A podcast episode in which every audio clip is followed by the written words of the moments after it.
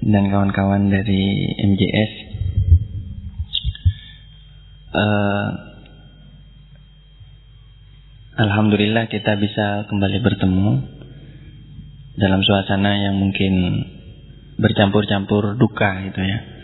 Karena bangsa Indonesia, ya masyarakat kita umat Islam baru saja kehilangan salah seorang ulama yaitu Kiai Haji Ali Mustafa Yakub. Saya pernah satu kali pergi ke pondoknya dan uh, belajar di sana di Darussunnah di Jakarta. Uh, kemudian Alhamdulillah kita juga bisa kembali melanjutkan kajian kita. Mudah-mudahan sekali lagi kalau kajian ini bermanfaat, semoga memiliki dampak ya yang konkret bagi kita dan uh, mungkin yang lain gitu. Kalau tidak, mudah-mudahan ini hanya menjadi semacam bumbu wacana yang mungkin akan hilang seiring zaman gitu. Jadi uh, saya di sini uh, memberanikan diri untuk mengangkat satu tema yang buat saya juga baru sebenarnya yaitu uh, relasi kausal, historis dan dialektis di dalam Al-Quran.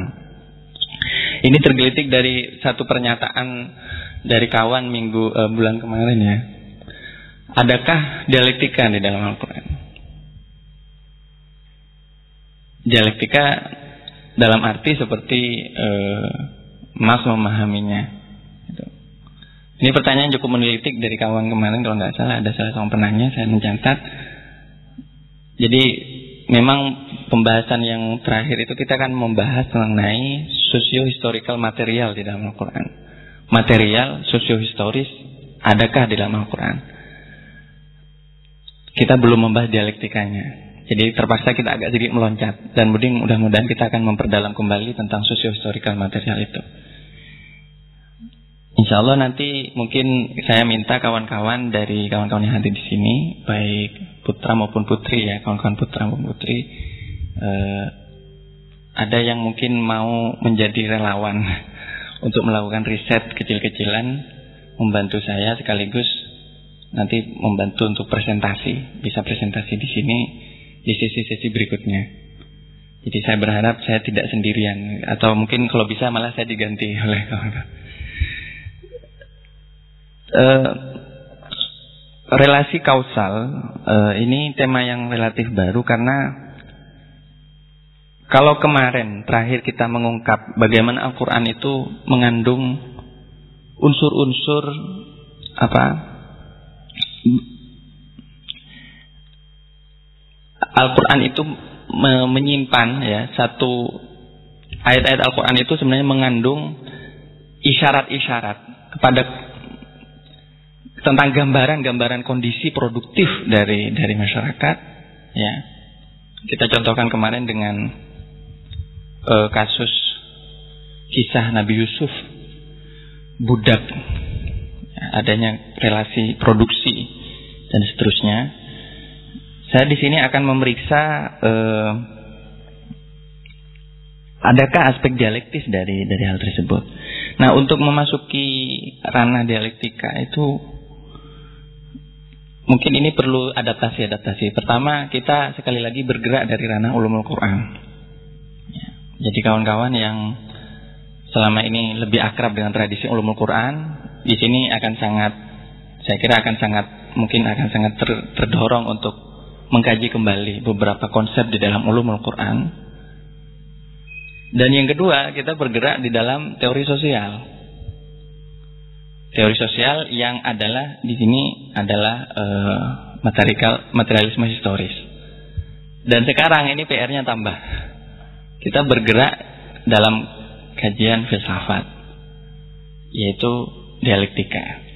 Nah, persoalan dialektika ini maksud dialektika materialis ya.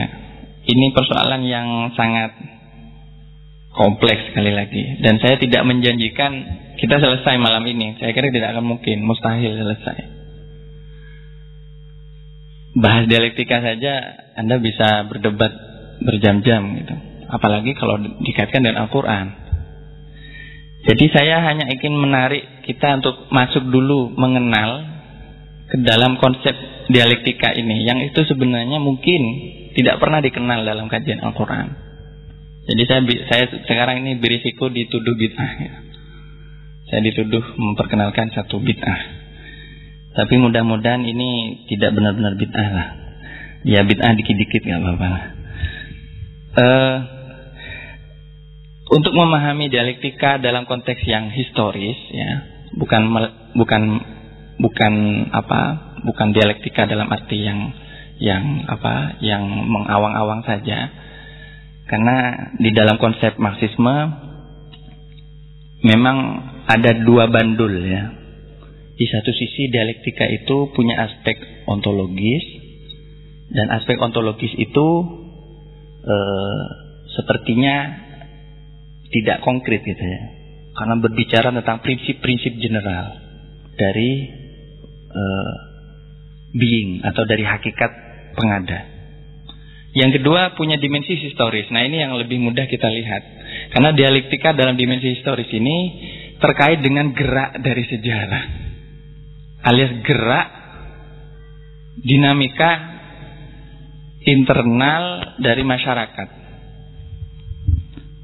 Nah, saya menyarankan kawan-kawan untuk membaca ini sebagai menu ringan.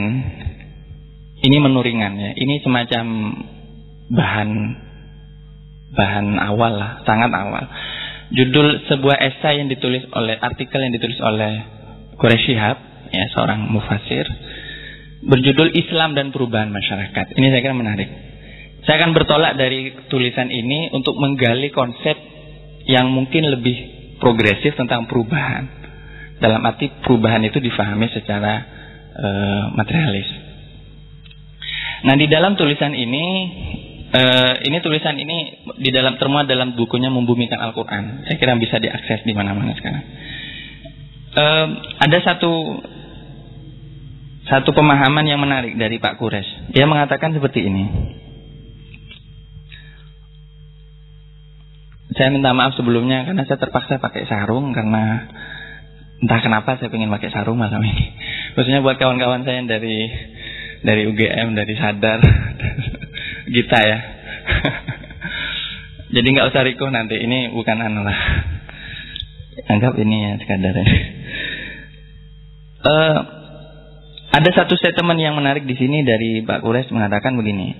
Perubahan yang dilakukan Tuhan ya perubahan itu aktornya ada dua. Pertama adalah yang dilakukan oleh langsung oleh Allah Subhanahu wa taala melalui suatu intervensi ketuhanan secara langsung. Nah, ini tentu oleh dialektika materialis yang eh, kita kenal dalam tradisi Marxis tentu tidak diakui karena eksistensi Tuhan itu mungkin dianggap sebagai sesuatu yang supranatural. Tapi dalam Islam kita mengakuinya karena Tuhan memiliki kekuasaan. Ini terjadi ketika misalnya Tuhan menimpakan siksaan secara langsung kepada suatu bangsa secara langsung ya, tanpa presiden apa-apa. Ini mungkin saja terjadi. Atau misalnya terjadi suatu gempa, suatu bencana alam dan seterusnya. Tentu kalau di dalam Nanti kita kita coba kritisi ya. Tentu di dalam dialektika materialis ini akan dibaca sebagai fenomena alam biasa. Tapi di dalam Islam kita memaknainya tidak. Kita memaknainya ada intervensi Tuhan. Karena Tuhan juga pelaku perubahan. Tapi Tuhan tidak dan bukan pelaku yang absolut dalam arti bahwa segalanya ini kemudian Tuhan yang menggerakkan. Secara esensial iya, secara spiritual iya. Tapi ada satu kondisi di mana Tuhan bekerja melalui kayak yang disebut oleh Pak Kures perbuatan manusia. Nah, saya akan dia menerjemahkan perbuatan manusia ini dengan hukum-hukum sosial, dengan hukum-hukum masyarakat. Jadi gini, perubahan ini saya kutip ya sik ya. Perubahan yang dilakukan Tuhan terjadi secara pasti melalui hukum-hukum masyarakat yang ditetapkannya. Tentu istilah hukum-hukum masyarakat ini agak aneh kalau zaman sekarang karena sosiologi sendiri nggak pernah mengkaji hukum masyarakat. Yang dikaji oleh sosiologi itu sekarang adalah dinamika sosial, bukan hukum. Tidak ada hukum yang permanen. Kan? Ini masih bias sosiologi zamannya August Comte, abad 17, abad 18. Uh, tapi oke okay lah. Tapi kita pahami hukum masyarakat itu apa? Artinya ini mesti difahami secara materialis. Hukum-hukum masyarakat itu adalah kondisi-kondisi di mana masyarakat itu menetapkan pola-pola uh, relasinya yang kemudian berujung kepada suatu perubahan. Dan pola relasi itu kita belajar dari Marx tidak lepas dari relasi produksi. Tidak lepas dari kekuatan produktif. Relasi sosial apa pun. Bahkan di tingkat yang paling mikro, yaitu keluarga. Kita melihat analisisnya Angel terhadap keluarga misalnya. Silakan nanti teman-teman bisa belajar teksnya, pelajari kembali teksnya Angel tentang keluarga. Di dalam relasi yang paling intim pun privat itu ada ekonomi politik. Ada relasi produksi. Bahkan ada yang mengatakan, kaum feminis mengatakan seks itu adalah sebenarnya relasi produksi. Jadi kalau kita kembali kepada argumen tersebut ya, itu artinya bahwa e, masyarakat itu memiliki pola-pola. Dan pola-pola itu adalah faktor determinan bagi perubahan. Lalu kaitannya dengan Tuhan apa? Tuhan juga bekerja melalui hukum-hukum masyarakat. Nah ini menarik, bagaimana Tuhan bekerja dengan hukum-hukum masyarakat? Bagaimana kita memilah antara ini hukum Tuhan dan ini, antara ini tindakan Tuhan dan ini tindakan masyarakat? Nah di dalam Islam itu disebut dengan sunatullah. Jadi ini dasar-dasar teologisnya dulu ya. Sunatullah itu artinya ketetapan-ketetapan Tuhan yang dikondisikan oleh Tuhan kepada alam. Ada yang memahaminya pada alam, misalnya gravitasi. Itu sunatullah. Jadi kalau Anda melempar sesuatu dari atas tentu akan jatuh. Tapi juga ketetapan-ketetapan yang eh, melekat pada masyarakat. Misalnya apa? Orang kalau jual beli harus fair. Kalau satunya tidak fair, pasti satunya dikepruk. Kalau enggak pasti di diuber-uber gitu. Karena dianggap nipu itu sudah dianggap natural. Jadi sentimen keadilan misalnya. Uh, Jean-Jacques Rousseau misalnya berefleksi tentang itu. Dari mana datangnya kejahatan di dalam kehidupan manusia itu? Ya dari pelanggaran terhadap norma-norma alam. Maksudnya norma ketuhanan di dalam alam. Pelanggaran terhadap sunatullah. Kalau sunatullah itu dilanggar, maka akan terjadi suatu problem di tengah masyarakat. Nah, konsep sunatullah ini menurut saya mesti diterjemah secara sosiologis. Tapi tidak cukup secara sosiologis, dia mesti diterjemah juga secara materialis, historis, dan dialektis. Nah ini kerja besar. PR itu.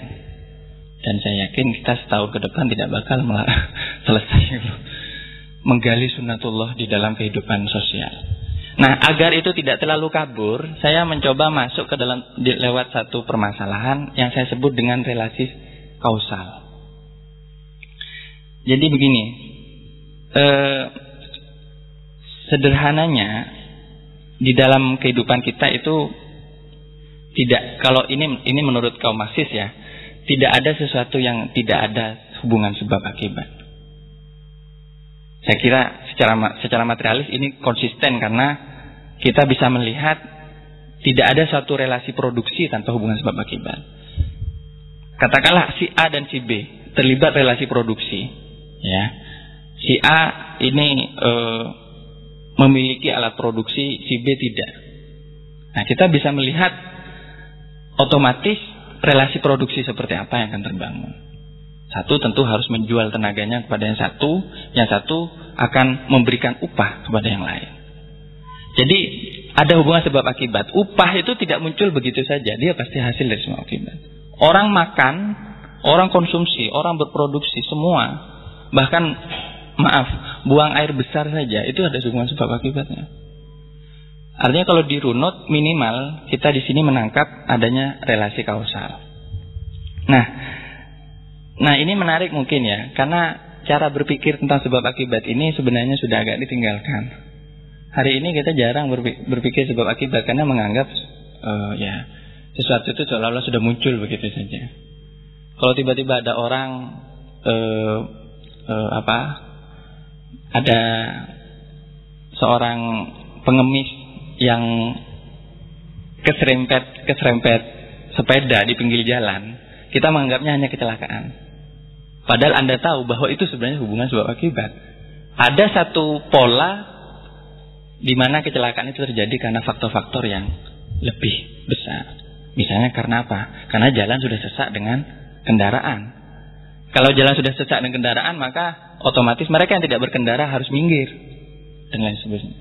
Jadi jadi sebenarnya tidak ada yang namanya kebetulan, kecelakaan atau apa, nggak ada itu.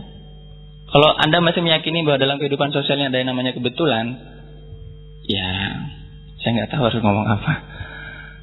Tapi tapi buat saya itu nggak ada. Ada sih serendipity pertemuan orang nggak sengaja. Tapi itu kan kalau pertemuan memang saya kira ada aspek kebetulan ya. Tapi bahwa orang kemudian menjalin suatu hubungan itu ada hubungan sebab akibat. Kenapa kok dia tiba-tiba promosi nih? E, jabatannya di birokrasi tinggi. Pasti ada hubungan sebab akibat. Gak mungkin dia hanya karena faktor kepandaian. Ya kalau faktor kepandaian itu bisa jadi sebab, mungkin kan. Yang jelas ada hubungan sebab akibat. Saya tidak akan panjang lebar soal itu. Tapi e, oke okay, nanti kita kita bahas. Nah, apa pentingnya memahami relasi sebab akibat ini dalam konteks kajian Al-Quran? Agar kita nantinya di dalam memahami pembicaraan Al-Quran tentang fenomena sosial, itu kita tidak terjauh ke, terjatuh ke dalam pandangan yang mistik. Seolah-olah Al-Quran ini ya kemudian menjadi seruan moral saja. Tidak. Di dalam Al-Quran juga terdapat indikasi-indikasi bagaimana Al-Quran memotret kehidupan sosial dan justru melakukan semacam analisis ya. Bukan analisis dalam arti analisis ilmiah secara rigid tidak. Bahkan kritik terhadap fenomena tersebut. Gitu. Nah, e, saya akan mulai dari relasi kausal dulu ya. Saya minta maaf mungkin agak agak agak berbelit itu. E, kita mungkin baca dari surat ini ya apa? Uh, jadi relasi kausal itu apa sih sebenarnya? Oke kita masih masuk ke ilmu Al-Quran dulu. Di ulumul Quran itu ada yang namanya sababiyah. Uh, ta'lil sababiyah ta'lil sababiyah ini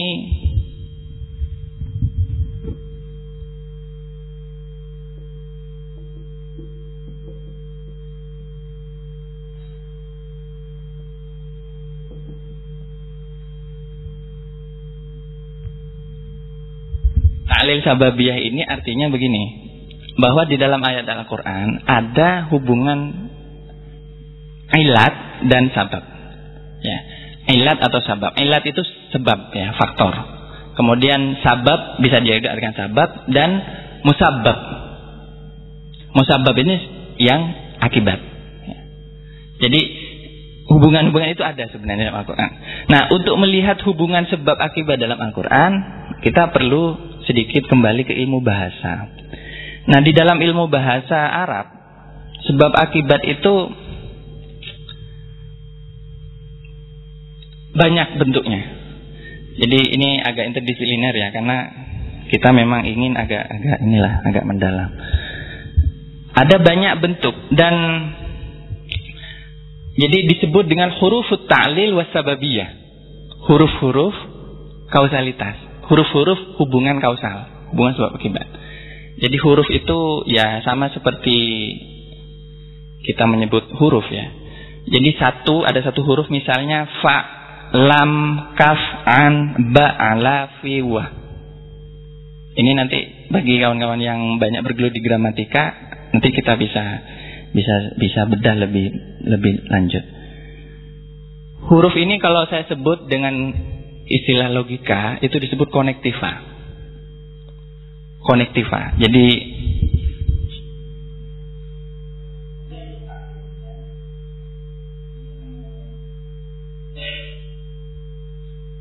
Jadi gini, konektiva itu ya sederhananya ya ya apa saja menghubungkan dua kata atau dua huruf. Ya. Saya akan berikan contoh. Ini murni dalam konteks linguistik ya. Jadi nggak ada hubungannya masih dengan yang lain-lain nanti. Lam ta'lil. Lam ta'lil itu artinya lam karena faktor di dalam surat Al-Adiyat ayat 8 rajim wa innahu lihubbil khairi lasyadid. Oke, satu. Wa innahu dan sesungguhnya manusia lihubbil khairi karena cinta akan harta ya. Al khair itu di situ good artinya harta, bukan kebaikan, maaf, bukan kebaikan lasyadidun maka dia menjadi kikir. Kita bisa melihat hubungan sebab akibatnya. Jadi syadid itu artinya keras, keras hati, kikir, pelit kepada orang lain. Itu karena hubul khair, karena cinta akan harta. Misalnya lagi ada eh, ini banyak ya, dan ini relasi kausal seperti ini. Kalau mau dipelet, beri dipre, di, disebutin satu persatu dari alif lam mim sampai anas saya kira akan jadi satu kamus ini sendiri. Contohnya misalnya lagi fa. Fa ini kalau di dalam ilmu nahu ada istilah alfa ubainal jumlatain. Fa di antara dua bentuk kalimat. Contohnya seperti ini. Di dalam surat Al-Qasas ayat 15 ini kebetulan saya kebetulan mencatat. Ini ketika menceritakan ketika Al-Quran menceritakan duel antara Nabi Musa dan seorang Bani Israel. Karena suatu saat Nabi Musa ini menjadi buron, ya kita tahu kisahnya menjadi buron e, dan maaf ya Nabi Musa ini Nabi paling proletar, Nabi paling kiri. Makanya Rasulullah SAW katanya suatu saat setiap kali menyebut Nabi Musa, beliau itu menyatakan rahimallah Musa. Semoga Allah menyayangi Nabi Musa. Karena Nabi Musa ini di antara seluruh para nabi ini paling kiri. Nabi yang paling tinggi status sosialnya itu Nabi Sulaiman sama Nabi Yusuf karena menjadi raja. Tapi kalau Nabi Musa ini sudah yatim, sudah yatim piatu, miskin, penggembala lagi, nggak punya apa-apa, penyakitan lagi. Terus gagap ngomongnya. Beliau tuh nggak gagap, orang yang sangat gagap beliau itu. Dan beliau itu apa? Nggak fasih gitu. Masih lebih fasih Agim saya yakin tuh atau mungkin ah, Yusuf Mansur gitu. Nabi Musa ini anu gagap ngomongnya. Makanya beliau ketika diperintah oleh Allah turun wahyu di Bukit Sinai itu, wahai Musa pergilah ke Fir'aun dan mengatakan katakan ini. Itu Nabi Musa bergagap. Bagaimana saya harus mengatakan kepada Fir'aun lawang Fir'aunnya besar seperti itu. Ya. Jadi Nabi yang paling melarat ini, Nabi Nabi Musa. Dan suatu saat Nabi Musa ini terjebak dalam satu duel, duel fisik dan beliau membunuh seseorang. Ya, terbuat duel. Jadi dalam Al-Quran dilekam dengan ayat Fawakazahu Musa faqadha alaih. Fawakazahu Musa maka memukullah siapa nama Musa meninjunya kepada orang itu faqadha alaih maka tamatlah menamatkanlah siapa Nabi Musa kepada orang itu. Ini hubungan sebab akibat. Orang mati karena dipukul oleh Nabi Musa. Kemudian saya kira banyak ya. Nah, dan e, untuk mengetahui relasi kausal ini mau nggak mau ya, Anda harus mengetahui ilmu nahu. Ilmu nahu ini ilmu paling penting ya dalam memahami Al-Quran. Ilmu nahu itu gramatika Arab. Saya menyebutkan satu lagi wow. Wa makaru wa makarullah di dalam Ali Imran ayat 54. Dan mereka berbuat makar, mereka berbuat e, tipu, menikah menipu, wa makarullah dan Allah juga berbuat makar kepada mereka. Artinya orang-orang kafir ketika akan melakukan berbuat makar kepada Rasulullah, kemudian dibalas oleh Allah, Allah juga berbuat makar kepada orang-orang kafir itu. Jadi ini ada hubungan sebab akibat. Nah, masalahnya di dalam Al-Quran tidak semua hubungan relasi, relasi kausal itu berbicara pada tataran historis. Ya. Hanya kita mesti harus lebih meneliti lagi karena relasi kausal yang kebanyakan terjadi dan disinggung oleh para ahli ulumul Quran itu adalah relasi kausal pada level linguistik. Jadi konektifannya itu ya konektifannya itu murni hanya pada level linguistik, tidak sampai kepada dimensi yang lebih luas. Makanya saya akan coba memperluas apa yang sudah ditulis oleh para ulama atau ahli ulumul Quran itu. Nah, di dalam Al-Quran saya akan menyebut dulu relasi-relasi kausal ketika agak diperluas. Ya, jadi kita mulai agak dari linguistik dulu, terus agak meluas tuh ya, sampai kalau bisa nanti ke dialektis. Jadi agak gitu ya, pola. Jadi apa? Ini cara berpikirnya induktif sebenarnya. Makanya saya saya buka-buka lagi pelajaran dasar ilmu logika. Ini karangannya RG Sukadijo. Saya nggak tahu ini orang mana. logika dasar ini saya kira bisa ditemui di mana di Gramedia. Ini di bab satu bab tentang logika induk, induksi, teman-teman bisa baca jenis-jenis e, logika induksi. Salah satunya adalah sebab akibat. Dan ada teori menarik dari John Stuart Mill, walaupun ya Mill ini seorang liberal ya, tapi untuk teori logikanya bolehlah kita ambil gitu. Dia menteorikan beragam jenis dari penalaran uh, sebab akibat. Tapi oke, okay, itu pada level logika, oke okay ya. Nanti kita akan masuk ke situ. Uh, ada banyak relasi kausal. Misalnya gini, saya contohkan. Di surat, jadi gini, yang pertama saya akan menyebutkan relasi kausal, tapi dimensinya ini saya pakai istilah transkosmik. Jadi antar alam. Yaitu antara dunia dan akhirat. Misalnya itu di dalam surat Ghafir ayat 40. Ini sekali lagi dimensinya kita lihat dimensinya ya. Tidak semuanya masuk ke dalam dialektika, tidak masuk, tidak semuanya masuk. Karena ada relasi kausal yang memang dalam Al-Qur'an itu dimensinya akhirat, ukhrawi. Misalnya di surat Ghafir ayat 40. Saya bacakan. A'udzubillahi. Man amila sayyi'atan fala yujza illa mislaha. Wa man amila salihan min dzakarin aw untha wa huwa mu'minun fa ulaika yadkhuluna al-jannata yurzaquna fiha bighairi hisab. Barang siapa berbuat buruk, ya, berbuat dosa, maka dia tidak akan dibalas kecuali seumpamanya. Ya. Dan barang siapa berbuat soleh dari orang laki-laki dan orang perempuan sedangkan dia mukmin, maka mereka akan masuk surga mereka akan diberi rizki di dalam surga dengan tanpa perhitungan. Oke, okay. ini dimensinya coba kita lihat transkosmik, dunia akhirat akhirat. Kita berbuat baik di dunia, dibalas di akhirat. Oke, okay, saya kira itu jelas ya.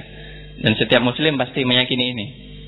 Pasti setiap amal perbuatan kita tidak ada yang lepas dari dari apa dari pembalasan nanti di akhirat. Uh, tapi kalau berbicara pada dimensi ini saja, anda akan akan akan anu juga nanti. Saya kira akan banyak ter, ter, punya problem gitu ya untuk membaca fenomena yang lain. Itu oke okay, kita lanjut dulu. Kemudian yang kedua dimensi dimensinya itu duniawi sudah ya, duniawi. Duniawi itu artinya pembalasannya di dunia langsung. Akibatnya bisa dirasakan langsung di dunia. Jadi dilakukan di dunia, e, dunia dalam arti term Al-Quran ya. Kita misalnya sebut e, surat An-Nahl ayat 97.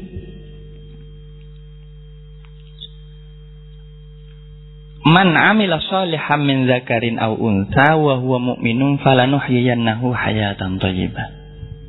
Oh ini ayatnya ini indah sekali. Nah ini ini harus menjadi dasar keimanan kita.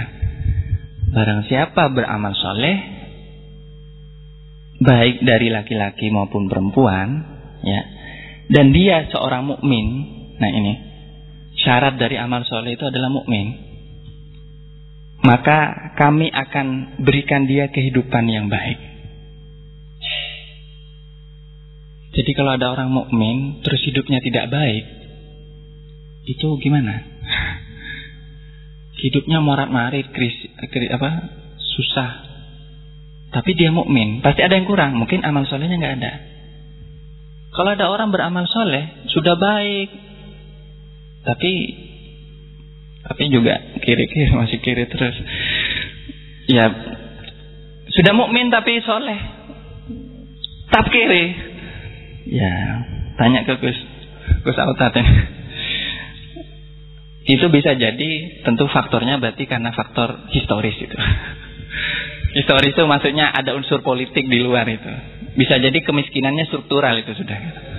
Karena bisa jadi kalau orang sudah soleh, sudah mukmin kok masih hidupnya minus di bawah derajat kemanusiaan, berarti struktural sudah kemiskinannya. Tapi kalau karena janji Al-Qur'an ini janji Al-Qur'an ya. Dan janji Allah. Janji Allah itu tidak akan pernah leset. Saya memang tapi kalau saya, saya, saya kalau kita lihat di desa ya. Uh, di desa itu kadang kalau saya bertemu dengan beberapa orang yang orangnya itu wah imannya bagus lah. Saya yakin tidak mungkin goyah imannya insya Allah. Kemudian sholatnya rajin, puasanya, soleh lah pokoknya ya. Juga tetangganya, ke tetangganya baik. Solehnya itu dua. Hablum minallah, hablum minanas. Jadi dua. Hor, hori, apa, horizontal, vertikal, semua. Tapi miskin itu semiskin-miskinnya itu nggak melarat benar gitu. Maksudnya tetap ada ada rezeki itu. Yang tadi kasih tetangganya. Bahkan kadang bisa ngasih sama orang lain. Jadi hidupnya itu nggak susah sama sekali. Tenang gitu ya. Itu juga perlu diteliti. Kenapa kok ada seperti itu, fenomena seperti itu? Tapi ya tidak sedikit juga di, di desa ya mengalami pemiskinan struktural yang luar biasa. Sampai sekarang saya mendengar kabar dari teman saya yang buka toko beras itu sekarang orang yang beli beras saja sekarang sudah tambah sedikit katanya. Jadi masyarakat daya belinya itu sudah tambah menurun dan dan apa Malaysia benar ya. Sekarang itu zaman Malaysia. Zaman orang itu lesu gitu. Ya. Lesu dan nesu sekarang. Jadi nah ini ini janji Al-Qur'an. Kemudian ada ayat lain. Ini relasinya apa? E, duniawi ya. Nah, persoalannya gimana? Ini menjadi misteri, jadi tanda tanya buat kita. Gimana Allah bikin hidup dia itu baik? Kalau dia mukmin, dia soleh. Ada loh yang nggak sekali lagi tadi eh, yang feno, yang fenomena saya temui itu orangnya nggak kerja, bahkan kerjanya serabutan. Artinya dia buruh, benar-benar buruh serabutan. Kadang kalau ada kerjaan kuli, kadang nguli, kadang kalau nggak, ya pokoknya gitulah. Tapi hidupnya tenang, nggak ada stres, nggak sakit, nggak. Nah ini falanuhiyannahu hayatan thayyibah. Nah, ada uh, itu, itu ya, itu dimensinya duniawi, tapi moral. Kemudian ada relasi kausal. Nah, ini mulai agak masuk ini kalau buat saya, agak mulai menarik ini untuk di, dikaji. Karena sering kali begini ya, Al-Quran itu kadang memberikan teka-teki luar biasa kepada pikiran kita, supaya kita itu berpikir. Ya. Kadang begini,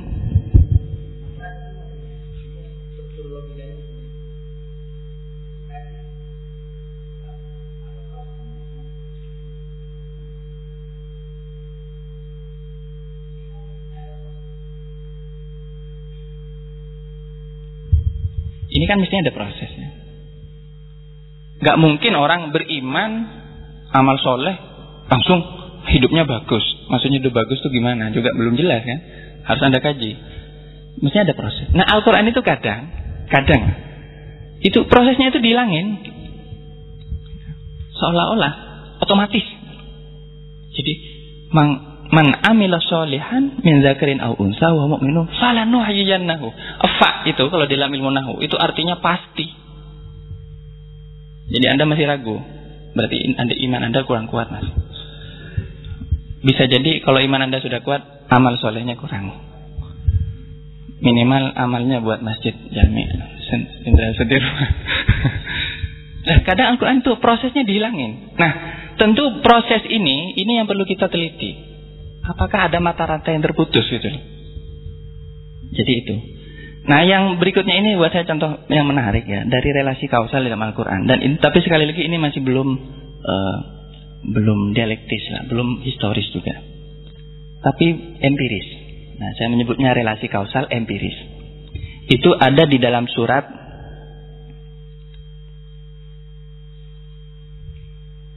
Uh, saya lupa suratnya. Tapi sangat terkenal. Maaf saya lupa. Saya kira nanti dicari di kamus Al-Quran ya. Syaitanirrajim. Zaharul fasadu fil barri wal bahri bima kasabat aidin nasul yudhiqahum bima kasabat aidin nasi yudhiqahum ba'dalladzi amilu la'allahum yarji'un. Telah tampak kerusakan di muka bumi dan lautan oleh sebab sesuatu yang dibuat oleh tangan-tangan manusia. Oke. Okay. Agar Allah Subhanahu wa taala menimpakan kepada mereka sebagian dari apa yang mereka perbuat. Sehingga mereka dapat kembali kepadanya. Ini coba kita urai. Ini ada beberapa hubungan kausal sebenarnya. Pertama begini. Coba ini belajar tafsir. Ini masih lama Kang waktunya ya. Tunggu. Saya nih. Oke nanti. Saya capek sekali ya.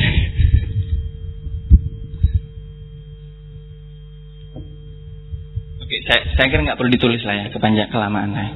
Saya bacakan saja. Pertama begini. Zuharul fasadu fil barri wal bahri maka sahabat adinas. Kita ngerti maksudnya. Telah tampak kerusakan di muka bumi, di laut maupun daratan, di daratan maupun di laut oleh perbuatan yang dilakukan oleh tangan manusia. Faktornya jelas, kerusakan oleh tangan manusia. Tapi Al-Quran belum menjelaskan maksudnya yang diperbuat tangan manusia itu apa. Gak jelas sebenarnya. Itu teka-teki lagi itu. Masih sangat umum. Tapi empiris. Kita bisa merasakan. Kalau ada satu ya kasus tambang misalnya. Jelas menimbulkan kerusakan. Karena ada pertambangan.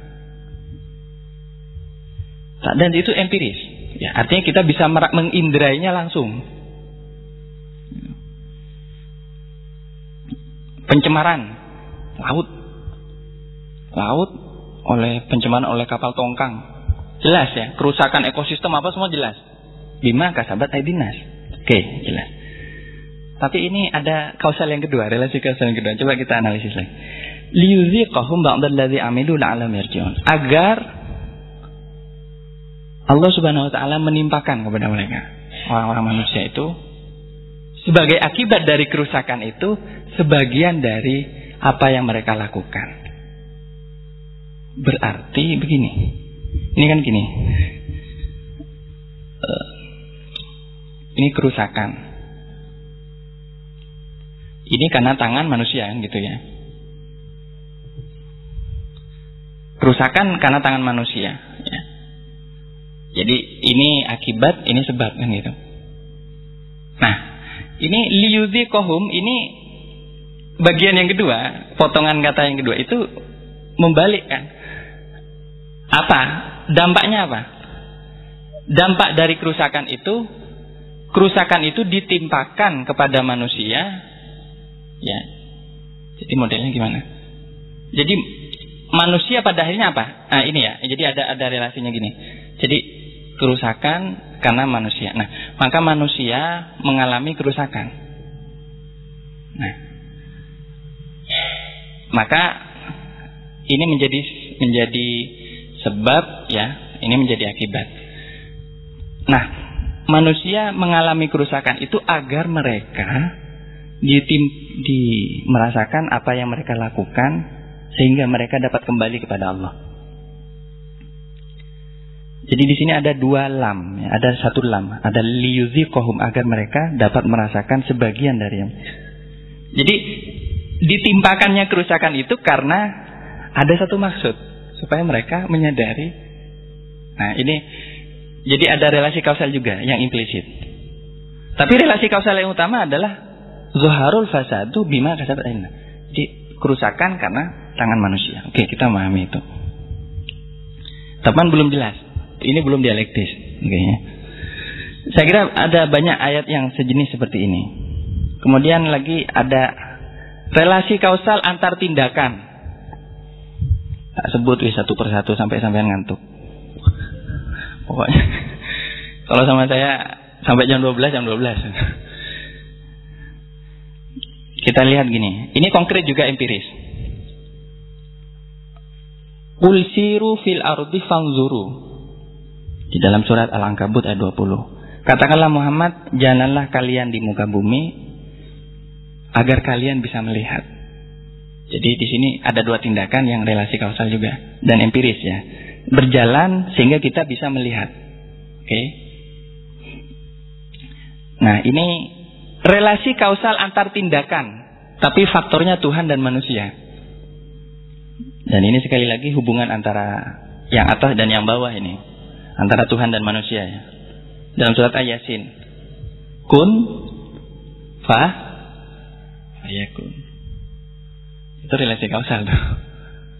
Walaupun ini dimensinya sekali lagi kosmiknya. Kun fayakun. Jadi Tuhan mengatakan kun jadilah, maka fayakun, maka menjadi. Nah, oke okay, itu satu. Terus ada lagi relasi kausal antara peristiwa dan posisi sosial. Nah, ini mulai agak masuk. Karena kita belum belum menangkap relasi historisnya, tetapi mulai kita masuk pada relasi kausal antara peristiwa dan posisi sosial. Di dalam surat Yusuf ayat 55 eh, bagi kawan-kawan yang sempat membaca Al-Qur'an Nabi Yusuf suatu saat ber, berkata kepada Malik, kepada raja. Qala ja'alni ala khazainil ardh. Nabi Yusuf berkata, berikanlah aku tempat posisi posisi sebagai bendahara uh, negeri, bendahara negeri, negeri Mesir saat itu.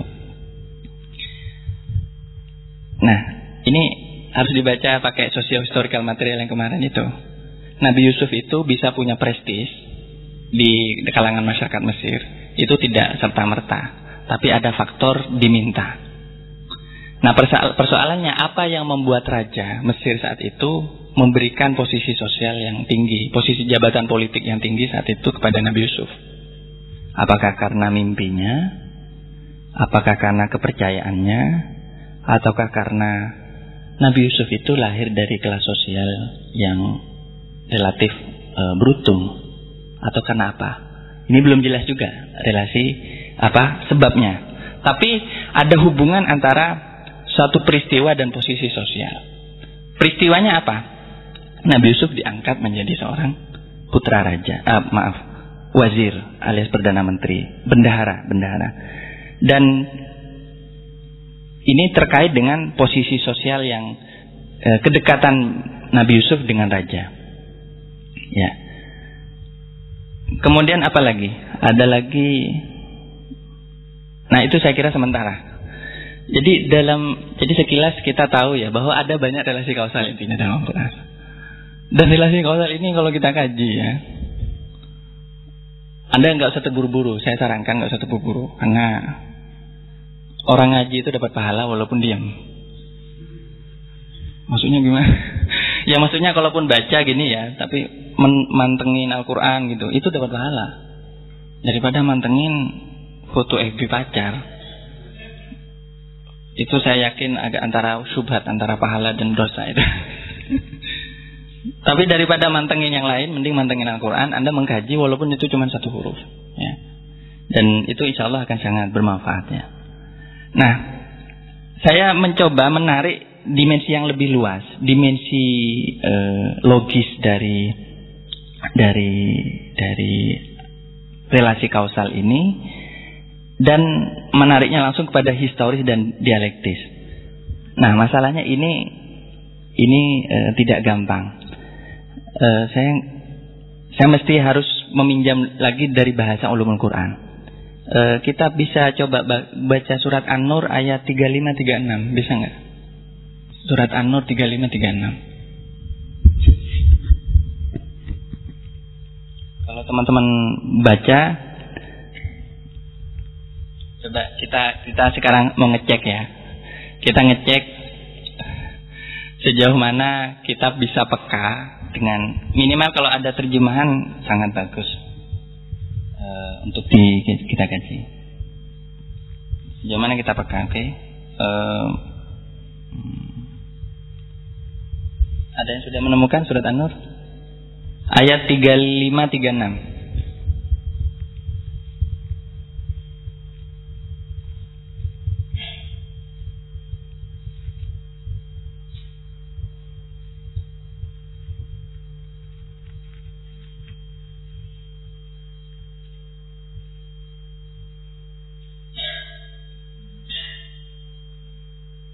Bisa dibaca Kang? Ada yang mau baca? Gus, seneng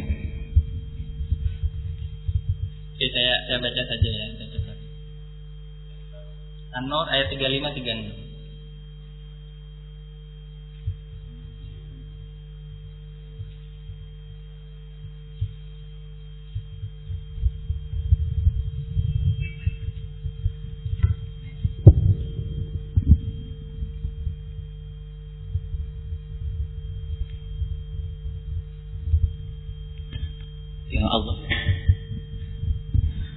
أعوذ بالله من الشيطان الرجيم بسم الله الرحمن الرحيم الله نور السماوات والأرض مثل نوره كمسكات فيها مشباه المشباه في زجاجه الزجاجة كأنها كوكب دري يوقد من شجرة مباركة من شجرة مباركة زيتونة لا شرقية ولا غربية يكاد زيتها يكاد زيتها يضيء ولو لم تمسسه نار.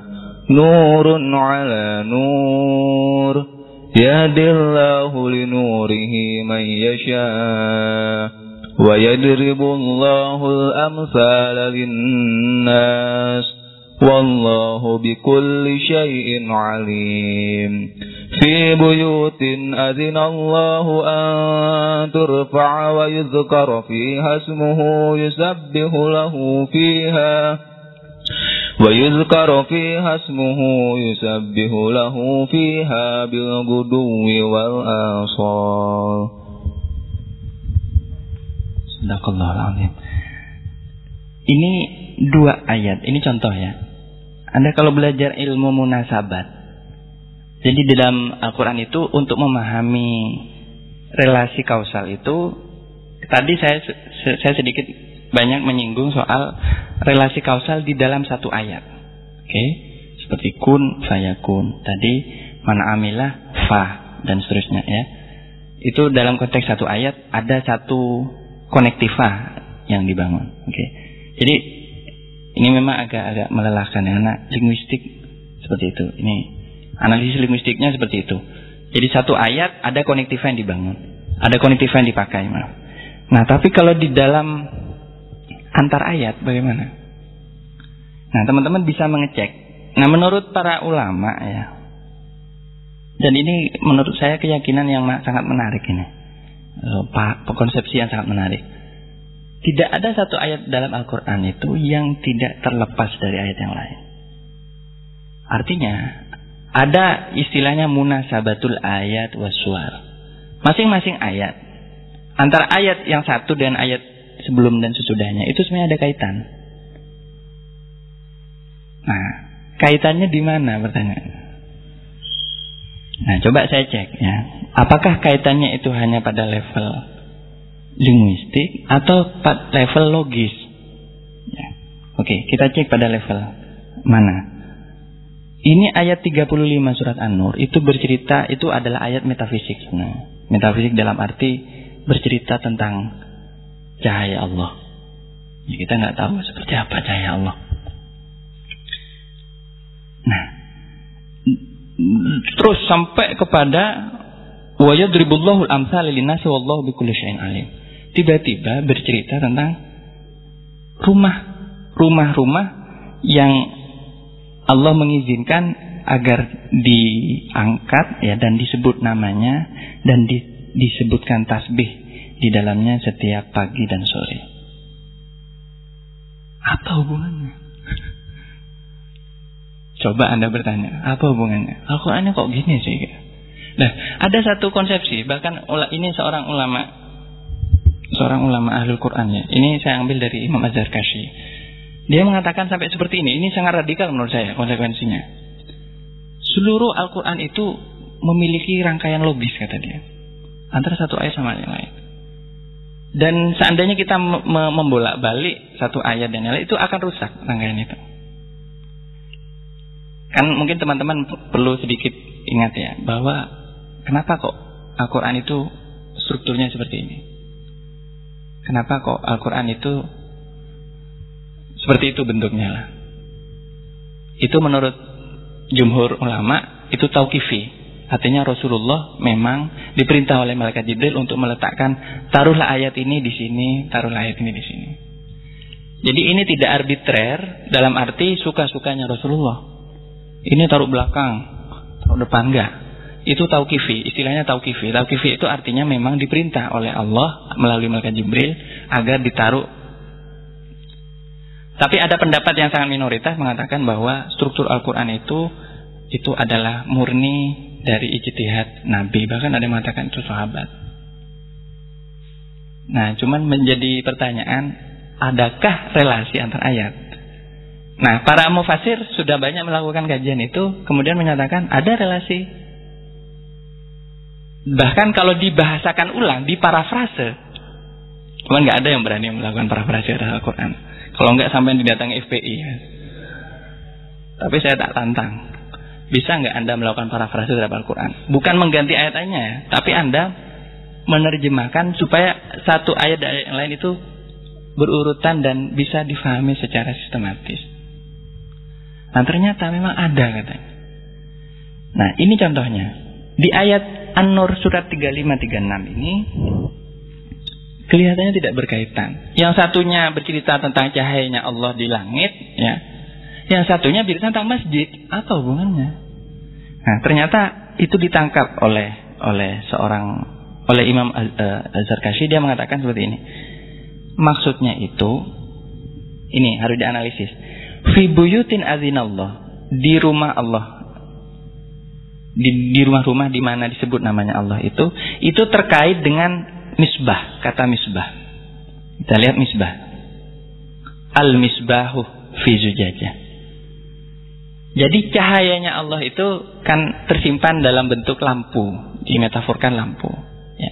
Ini sekali lagi maaf saya agak vulgar karena saya jujur uh, apa ini saya sebenarnya nggak boleh terlalu agak menafsirkan ayat ini. Imam Ghazali saja harus wah pusing ini. Arat ayat An-Nur surat 35 ini misteriusnya. Ini karena berbicara tentang esensi cahaya ketuhanan ya. Anda jangan bermain-main, nanti terbakar. Tapi ini terkait dengan al-misbah. Artinya, uh, al-misbahu fi buyutin Allah. Ini diperkirakan pakai. Jadi ada ihtimal, ada kata-kata yang diperkirakan. Ini sebenarnya parafrase dari mufasir. Artinya ada lampu, lampu yang di dalamnya ada cahaya Allah itu fi buyutin terdapat di dalam rumah-rumah di mana nama Allah disebut. Jadi kalau difahami seperti itu, hanya kurang satu kalimat ya. Seandainya ditambahkan satu kalimat, maka menjadi logis.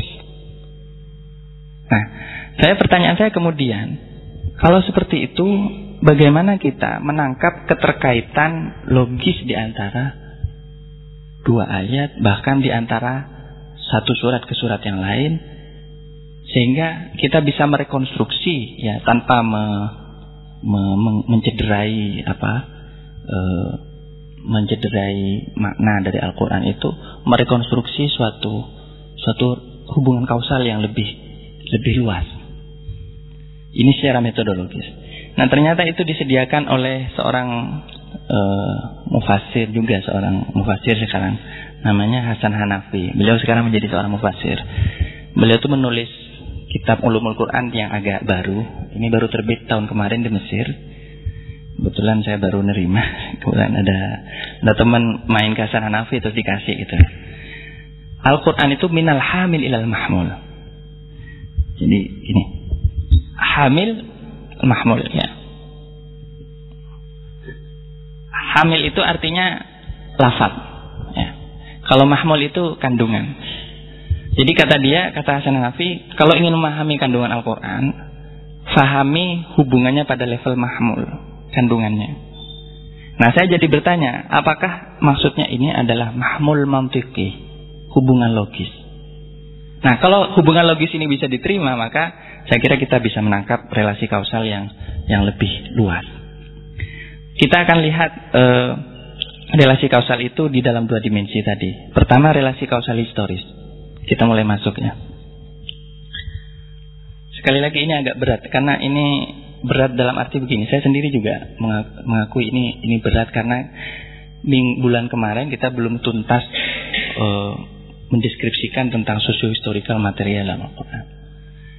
Al-Quran itu memiliki dimensi tentang e, berbicara tentang kekuatan-kekuatan produktif itu tercermin dalam Al-Quran seperti apa kita belum tuntas ya kita sudah berbicara pada dimensi dia, e, relasinya yang lebih lebih abstrak tapi kita akan coba pertahankan bahwa relasi kausal di dalam Al-Quran itu berhubungan dengan dimensi historis. Apa pengertian historis menurut Marx?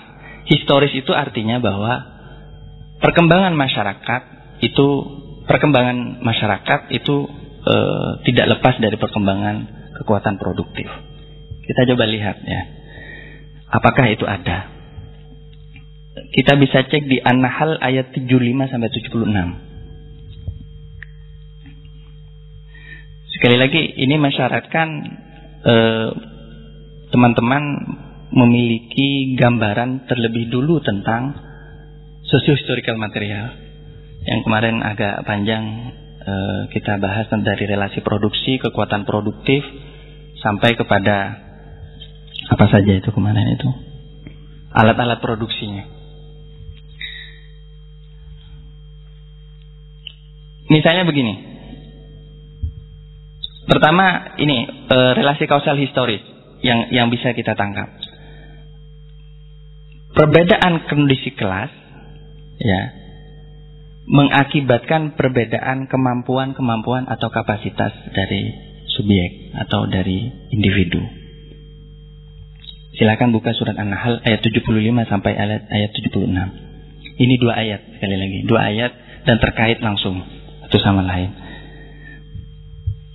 Bisa dibaca mas? Baca lagi nih sini. Sampai sampai temenin saya dong sini. Kita ngaji bener nih malam ini.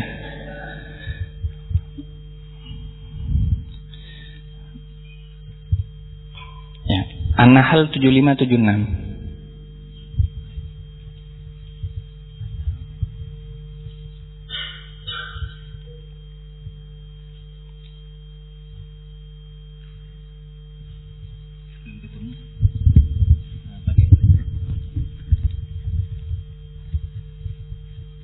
Kalau ada sukarelawan silahkan ke depan nggak apa-apa. Atau mungkin dari Putri mungkin. Mungkin Bano mau baca.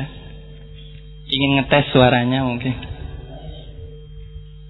Oke kita baca ya. Nah kalau nggak ngaji nih kayaknya.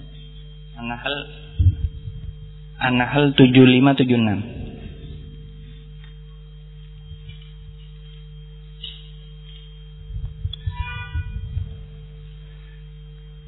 Saya sekarang mau tanya ya, kira-kira kalau teman-teman bermodal terjemahan bisa nggak menangkap relasi kausal? Sedikit bisa ya, tapi akan lebih sempurna kalau dibarengi dengan tadi itu gramatika. Oke, 7576. Oke.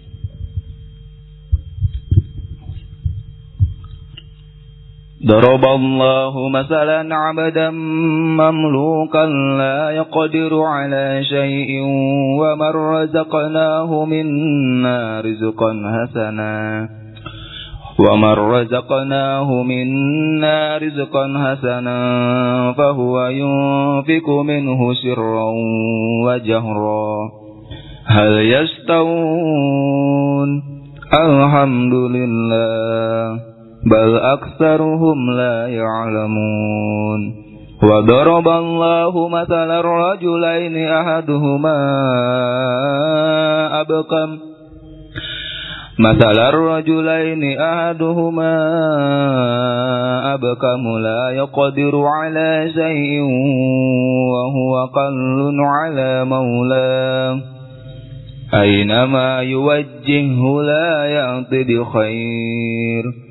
هل يستوي هو ومن يأمر بالعدل وهو على شراط مستقيم Mas siapa? Mas Erik, makasih Mas. Uh, saya terjemah secara sangat anu ya subjektif ini terjemahan saya. Allah mengumpamakan perumpamaan ada seorang hamba, seorang budak ya, yang dimiliki dan dia tidak mampu atas sesuatu. Artinya dia tidak memiliki kemampuan untuk melakukan apa-apa. Nah, maksudnya untuk untuk bebas ya, memiliki kebebasan. Kemudian ada orang yang kami beri rezeki dari kami, rezeki yang baik. Dan dia menafkahi, memberikan nafkah, infak ya, berinfak dari rezekinya itu secara rahasia maupun terang-terangan. Apakah kedua orang ini sama? Hal yastawun? Segala puji bagi Allah. Tetapi sayangnya sebagian dari manusia itu tidak mengetahui. Dan Allah mengumpamakan juga suatu perumpamaan dua orang laki-laki. Salah satunya itu bisu, tidak mampu juga melakukan sesuatu dan dia menjadi beban atas uh, tuannya. Wahwa kalun ala maulah. Di mana pun dia ber, menghadap, tidak ada satu kebaikan pun yang lahir dari uh, budak ini. Ya, dari uh, orang yang bisu ini. Apakah dia sama dengan orang yang selalu berbuat adil dan dia ada di dalam jalan yang lurus? Kalau kita pelajari dari asbabun nuzulnya, ayat ini turun kepada dua orang. Ada dua, ada empat orang ya. Ada sepasang tuan dan budak, tuan dan budak. Saat ayat yang pertama itu turun pada Hisham bin Amr dan budaknya yang bernama Abu Jauza. Hisham bin Amr ini konon adalah seorang yang sangat uh, murah hati. Dia suka memberikan sodakoh dan seperti yang digambarkan dalam Al-Quran. Di sisi lain budaknya itu agak budaknya itu mungkin uh, kurang kompeten ya. Wahwalayak biru ala syai. Dia itu tidak memiliki kebebasan, tapi juga tidak kompeten. Dia tidak bisa berbuat apa-apa. Dan menurut penuturan uh, perawi dari asbabun nuzulnya ini budak ini sering mencegah tuannya untuk melakukan baik. Jadi dia budak yang memiliki sifat jahat atau mungkin sifat yang kurang baik. Jadi dia sering mengganggu tuannya, sering menghalang-halangi tuannya untuk berinfak di jalan Allah. Apakah mereka sama? Nanti coba kita kita pikirkan kenapa kok Al-Qur'an mengangkat perumpamaan ini. Apa ini tidak diskriminatif? Coba kita. Anda tidak apa-apa beradu argumen sama Al-Quran nggak apa-apa. Al-Quran nggak akan kalah kok. Benar. Selama yang penting Anda yakin untuk terus berdialog dengan Al-Quran. Yang ayat yang kedua, ada perumpamaan ini tak turun kepada Sayyidina Utsman dan pembantu atau budaknya yang bernama Usaid bin Abil As. Ais. Saya nggak tahu ini pada periode apa sebelum nanti Sayyidina Utsman membebaskannya seluruh budaknya. Eh, jadi budaknya ini bisu, bukan bisu, dan dia menjadi beban bagi apa? Bagi tuannya, alias bagi Sayyidina Utsman. Dan budaknya ini juga agak apes ya, setiap kali ke mana layak tibi khair katakan. Dia itu tidak mendatangkan kebaikan apa-apa. Malah cuman bikin ongkos tambah banyak. Jadi mungkin dia bikin ulah ke sana, bikin rusak eh, apa gitu ya mungkin. Sehingga bisa sehingga Sayyidina Utsman harus mengeluarkan ongkos terus untuk mengganti eh, hal yang dilakukan oleh eh, eh, maulanya, budaknya. Apakah dia sama dengan orang yang berbuat adil dan selalu ada dalam jalan yang lurus. Ini pujian kepada Sayyidina Utsman bin Affan. Ini luar biasa menunjukkan derajat ketinggian Sayyidina Utsman di mata Allah. Ya. Nah, coba kalau kita renungkan, ini sekali lagi kalau pakai socio-historical material yang yang kemarin kita singgung, di sini ada aktornya ini, ada aktor, ada relasi produksinya jelas ini, ada budak, ada yang punya budak. Kemudian ada juga eh, bahkan disebut aktornya abdan mamlukan budak yang dimiliki. Kira-kira kalau kita lihat dari sudut pandang kausal, apa yang Anda bisa simpulkan? Ini latihan loh. Mau lat, mau berpikir dialektis itu harus latihan. Saya kira ada ada yang mau mengajukan pertanyaan, jawaban. Kenapa Al-Quran mengangkat contoh perumpamaan ini? Sepertinya secara zahir, kalau kita baru membaca ayat ini satu kali, apalagi cuma baca terjemahannya, Al-Quran ini diskriminatif sekali. Yang satunya diunggulkan, budaknya di, dijelek-jelekin. Tapi sebenarnya pesan dari Al-Quran itu apa? Ini saya kira menarik karena ternyata tidak semua uh, Al-Quran itu tidak semuanya budak atau mereka yang dianggap kata kita secara rasional hari ini tertindas itu dibela oleh Al-Quran tidak. Kalau orang tertindas tapi juga jahat, oleh Al-Quran nggak dibela. Misalnya begini, maksud saya gini. Ada orang yang memang ya ya hidupnya ya di, di, di bawah dalam satu sosial yang marginal. Tapi dia juga punya problem gitu loh. Dia bikin problem. Suka mengancam loh kayak ini. Itu nggak dibela oleh Al-Quran. Bahkan dikecam. Coba ini ini hikmahnya apa?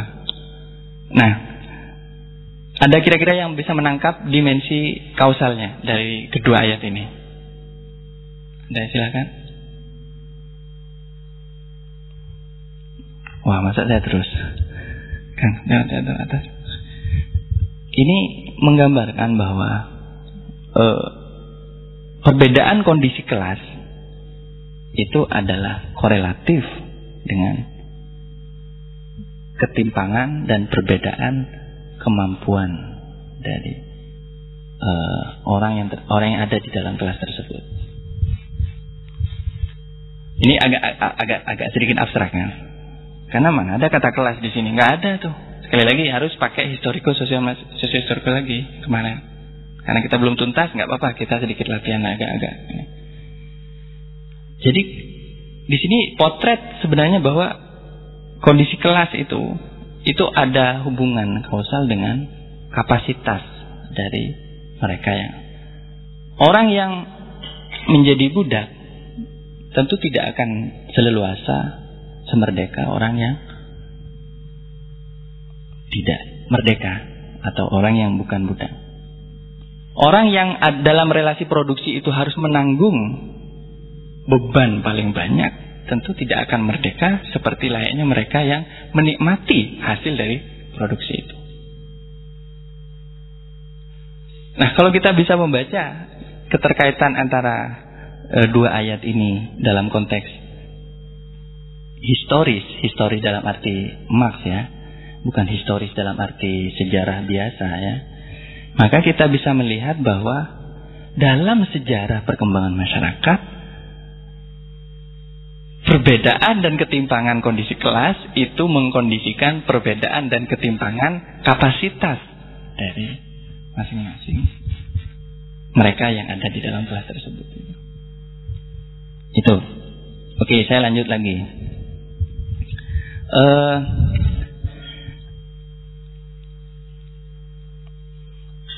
di dalam surat Al-Baqarah ayat 205. Sebenarnya banyak ya. Ini kita mulai masuk pada historis, kausal historis, belum dialektis, belum dialektis. Terakhir nanti dialektis, oke ya? Tolong bersabar dulu. Ada dalam surat ayat ayat uh, ayat ayat 5 Al-Baqarah 205 Wa idza tawalla sa'a fil ardi liyufsida fiha wa yuhlikal harsa wan nas wallahu la yuhibbul fasad. Dan jika jika dia orang itu berjalan di muka bumi. Dia dia berpaling, maka dia berjalan di muka bumi untuk menghancurkan berbuat kerusakan di muka bumi dan menghancurkan tanaman serta e, keturunan anasal keluarga. Dan Allah tidak menyukai kerusakan. Coba Sekarang kita latihan lagi. Ini kayaknya enaknya ini bikin ini ya, PowerPoint mungkin ya. Jadi biar bisa dilihat bareng-bareng gitu. Atau uh, bisa diputar? Saya punya Al-Quran soalnya yang versi PDF. Jadi kita bisa.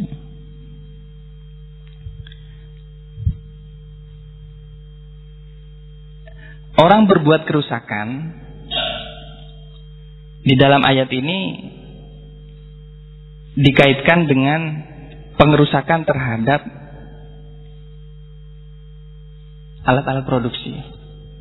Sekali lagi kalau pakai historical materi akan kelihatan. Ini masuknya ke dalam produksi, ini masuknya di hubungan relasi produksi, ini masuknya di mana? Kelihatan. Di sini ada uh, ada alat produksi dalam bentuk al-har yaitu ladang. Alias ladang pertanian. Dan anasal. Anasal itu artinya keturunan. Artinya tenaga manusia. Ya. Nah orang yang suka berbuat rusak term Al-Quran itu ketika berjalan di muka bumi, dia suka merusak sarana produksi orang lain. Coba kita abstraksikan, ini abstraksikan ya, ke dalam konteks uh, historis, dalam arti Marxis tadi. Coba kita abstraksikan. Berarti apa? Perbedaan sarana-sarana produksi mengakibatkan anarki produksi. Jadi gini, orang tidak mungkin merusak lahan orang lain kalau dia tidak memiliki uh, kelebihan di dalam sarana produksi tersebut. Ini ini dalam konteks perkembangan masyarakat uh, kapitalis misalnya Anarki produksi itu terjadi ketika dominasi sekelompok orang itu e, mampu sedemikian rupa. Oke, kita kita break dulu.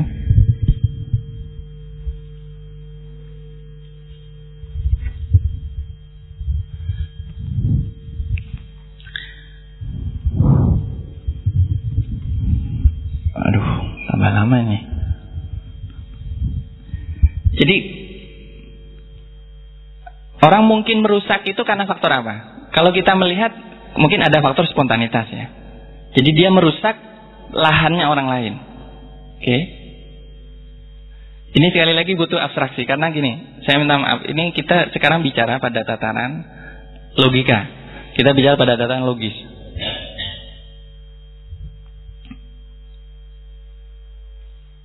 Coba kok bisa orang merusak lahannya orang? Kalau karena faktor spontanitas, karena faktor nggak suka, bisa saja itu terjadi. Tapi itu tidak akan benar-benar melahirkan satu kerusakan. Ya. Nah, kalau kita lihat asbabun nuzul dari ayat ini, sebenarnya memang ini bercerita tentang perilaku seorang pengemuk apa orang yang terkemuka dari kalangan uh, Quraisy ya, kafir Quraisy. Saat itu ketika berkunjung kepada masyarakat uh, bertemu dengan masyarakat Islam kepada uh, kaum muslimin, itu kemudian sepeninggal dari bertemu dengan kaum muslimin, dia menunjukkan seolah-olah baik, padahal ternyata dia merusak ladangnya. Jadi kurmanya itu konon dirusak, kalau nggak salah di, dibakar atau di, di, ditebangi semua. Nah, saya nggak belum sampai menelusuri siap apakah si pelaku ini yang merusak ini punya status sosial yang lebih tinggi daripada itu atau punya satu kekuatan yang lebih tinggi. Mungkin dia punya domin apa punya prestis yang lebih tinggi. Tapi kita bisa melihat bahwa pengerusakan itu kalau benar-benar mau terjadi itu tidak mungkin tanpa terjadinya ketimpangan posisi ya dan ketimpangan kepemilikan sarana produksi.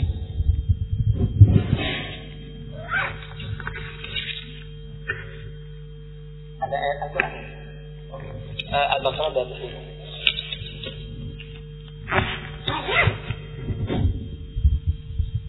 Wah, mantap ini. 205. 205, Mas. Oke. Baik, kita kita pelan-pelan dulu ini. Bisa nggak? Nah dalam teori teori ini ya, dalam teori kapitalis itu, dalam teori perkembangan kapitalisme, sarana produksi itu kalau dimiliki secara merata, seperti di masyarakat feodal eh, atau masyarakat komunal, ya, maaf masyarakat komunal, itu tidak akan terjadi anarki, tidak akan terjadi kerusakan, kecuali hanya kerusakan secara fisik, gitu. Bisa kan? 205, nah 203. 205 maaf.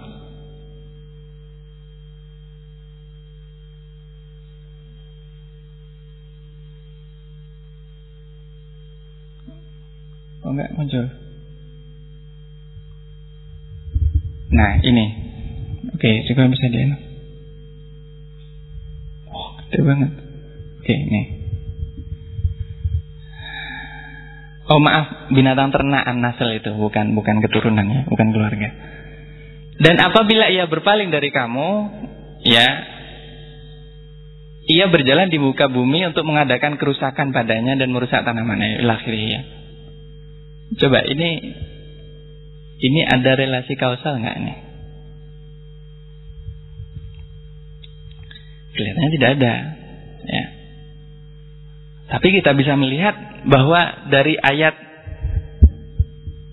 dari bagian yang pertama dia berjalan di muka bumi untuk merusak. Ya. Jadi dia memang berniat ingin mengadakan ingin melakukan perusakan, anarki ya, destruksi terhadap. Jadi ada sebabnya. Sebabnya ada. Saya sebutkan sebab. Tapi akibatnya di sini tidak disebut. Akibatnya apa? Tidak disebut. Cuman implisit sudah mafhum bahwa otomatis terjadi kerusakan. Nah, problemnya siapa yang bisa melakukan kerusakan sampai Al-Quran perlu menyinggung itu dengan kata al-fasad. Al-fasad itu kalau di dalam Al-Quran bukan saja kerusakan-kerusakan dalam arti misalnya cuman anunya rusak, bukan. Tapi memang rusak dalam arti masif. Itu hanya mungkin dalam posisi ketika orang yang merusak ini memiliki kekuatan, memiliki dominasi untuk merusak. Dan dia merusak, apa yang dia rusak? Pertama adalah sarana produksi orang lain. Itu artinya terjadi anarki produksi. Dan di dalam e, konteks kalau kita membaca perkembangan kapitalis ini sangat menarik ya. Dalam konteks e, perkembangan masyarakat secara historis, pengerusakan sarana produksi itu tidak di, mungkin dilakukan e, kecuali oleh kelas yang lebih berkuasa yang memang sejak awal memiliki e, sarana tersebut. Jadi ketimpangan kepemilikan itu pada akhirnya akan menimbulkan anarki produksi. Sederhananya seperti itu. Anarki produksinya apa? Ya sarana produksinya orang rusak. Dia tidak bisa hidup lagi dari tanahnya. Sehingga karena dia tidak bisa hidup dari tanahnya, dia harus menjual menjadi seorang buruh. Dan begitu dia menjadi buruh maka dia masuk ke dalam suatu sistem yang pada akhirnya akan menuntut kerja kerja kerja kerja kerja sehingga terjadi suatu anarki produksi yang luar biasa. Kepem, apa teori tentang anarki produksi ini agak proudhonian ya sebenarnya kalau di dalam uh, mentalisme historis itu. Oke itu lagi. Saya lanjut dulu supaya agak sedikit cepat. Ayat Al-A'raf 74. Kita benar-benar agak anu nih, ngaji benar. 74 kan?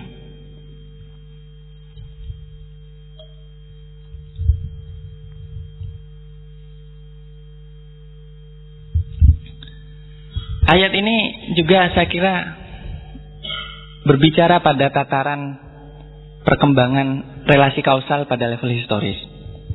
Kita coba baca. Dan ingatlah ketika saya baca terjemahannya ya. Ingatlah ketika Allah menjadikan kamu pengganti-pengganti yang berkuasa setelah kaum Ad. Ya. dan memberikan tempat bagimu di, di bumi. Kamu dirikan istana-istana di tanahnya yang datar dan kamu pahat gunung-gunungnya untuk dijadikan rumah. Maka ingatlah nikmat Allah dan janganlah kamu merajalela di muka bumi. Ini ini pernyataan Al-Qur'an menceritakan kondisi kaum Samud dan Ad. Jadi kaum Ad itu bangsa yang mendahului kaum Samud itu mewarisi suatu kekayaan kepada kaum e, Samud ya. Jadi Ad e, apa kepada kaum Samud. Dan pewarisan ini digambarkan dengan sangat menarik oleh Al-Qur'an. Buminya dijadikan e, lapang, wa bawa'akum fil ardi. Kemudian tanahnya menjadi istana dan gunung-gunungnya menjadi rumah. Kita bisa menggambarkan peradaban atau suatu capaian material seperti apa yang yang yang, yang terjadi di sini. Ini kira-kira kalau dilihat secara historis, kaus, relasi kausalnya apa kira? Saya akan mengatakan suatu masyarakat itu tidak mungkin eksis tanpa mewarisi kondisi-kondisi material yang diwariskan oleh generasi sebelumnya. Jadi kita bisa melihat jadi ini sebenarnya semacam ayat yang mengindikasikan tentang ini ayat yang mengindikasikan tentang relasi kondisi material suatu masyarakat pasti merupakan hasil akibat dari kondisi material yang diwariskan oleh masyarakat sebelumnya. Ya. Dan itu memicu apa? Wala ta'sau fil ardi mufsidin. Peringatan Allah kepada kaum Samud yang mewarisi dari kaum Ad, janganlah kalian berbuat kerusakan di muka bumi. Itu artinya apa? Kaum Ad dulu pernah berbuat kerusakan dan kalian sekarang jangan lagi berbuat kerusakan. Coba kita lihat relasi kausalnya. Apa? Hubungan-hubungan antagonistik yang pernah terjadi pada suatu fase sejarah sebelumnya itu dapat terwariskan ke dalam hubungan relasi antagonistik pada fase sejarah berikutnya. Mau di, mau pakai kasus yang aktual misalnya begini. Indonesia 2000 kalau misalnya gini, kita membaca sentimen anti komunis misalnya. Maupun lagi hangat-hangatnya isu simposium nasional 65. Kenapa kok sekarang muncul sentimen anti komunis? Gak lepas dari kondisi material yang diwariskan oleh rezim sebelumnya. Jadi kalau saya bacakan rezim Ad dan Samud itu terkait dalam suatu relasi historis. Dan relasi historis itu karena apa? Karena pewarisan kondisi materialnya. Bukan semata-mata khulafa pengganti dalam arti pewaris saja. Ini saya kira sangat menarik.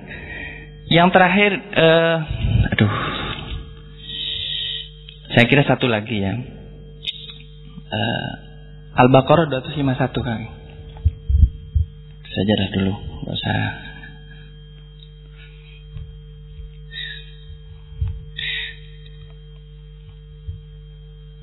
Dua ratus lima satu.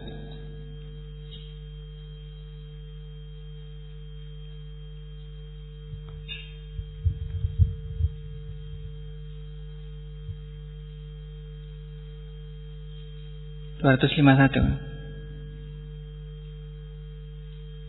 Enggak ada. Oh iya, iya itu itu itu benar benar itu itu benar benar benar itu. Ah itu. Benar tuh. Itu benar. Ke atas sedikit lah. Jadi ini ayatnya saya kutipkan agak saya potong ya. Tapi bukan berarti harus dibaca sepotong-sepotong. Ayatnya begini. Bismillahirrahmanirrahim. Walaula daf'ullahi nasa ba'dahum bi ba'din lafasadatil ardu. Ini kisah tentang Tolut melawan Jalut. Ya, yang kemudian dibantu oleh Nabi Daud. Sebenarnya kisah ini menggambarkan eh, perang antara orang kecil melawan tirani. Ya, ini sering kali menjadi metafor dalam kitab suci perang kecil, orang kecil melawan tirani. Eh, Tolut ini tirani ya. Tapi yang menarik ada kata ini. Walau la daf'ullahi nasa ba'dhum bi ba'din la fasadatil ardu. Seandainya Allah tidak menolak di situ saya diterjemah keganasan sebagian manusia terhadap sebagian yang lain, niscaya bumi ini akan rusak. Jadi sebenarnya mediator dan rekonsiliator itu Allah. Bahkan di dalam ayat yang lain, seandainya tidak Allah tidak menghalau uh, gangguan dari manusia satu orang kepada orang yang lain, niscaya lahuddimat sawami'u wa bi'u. Niscaya biara-biara, gereja-gereja, sinagog-sinagog itu niscaya akan dihancurkan oleh kelompok yang bernama FPI. Enggak ada FPI ya apa. Tapi seperti itu. Jadi yang menjaga sinagog, menjaga biara, menjaga menjaga gereja itu Allah sebenarnya. Masih ragu sama pluralisme Al-Quran. Al-Quran itu sangat pluralis. Iya, itu ada dalam Al-Quran. Walaula Allah nasa ba'dhum bi ba'dhim lahuddimat sawami'u wa bi'u itu dalam ayat yang lain. Seandainya Allah itu tidak mencegah, maka niscaya gereja apa semua akan dihancurin.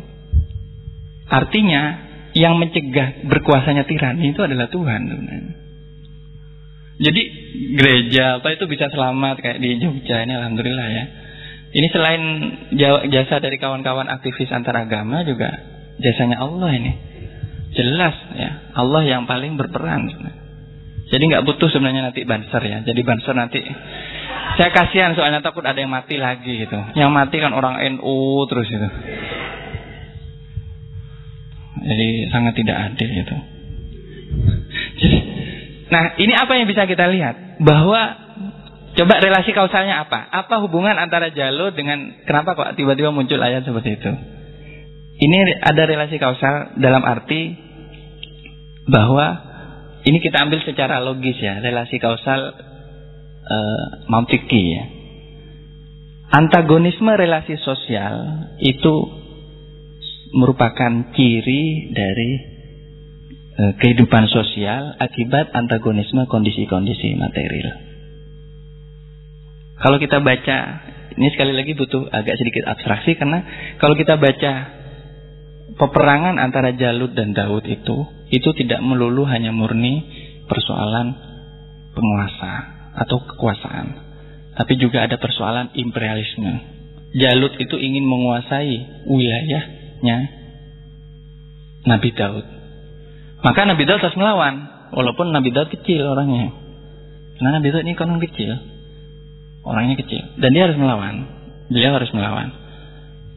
Jadi antagonisme relasi sosial ini ada.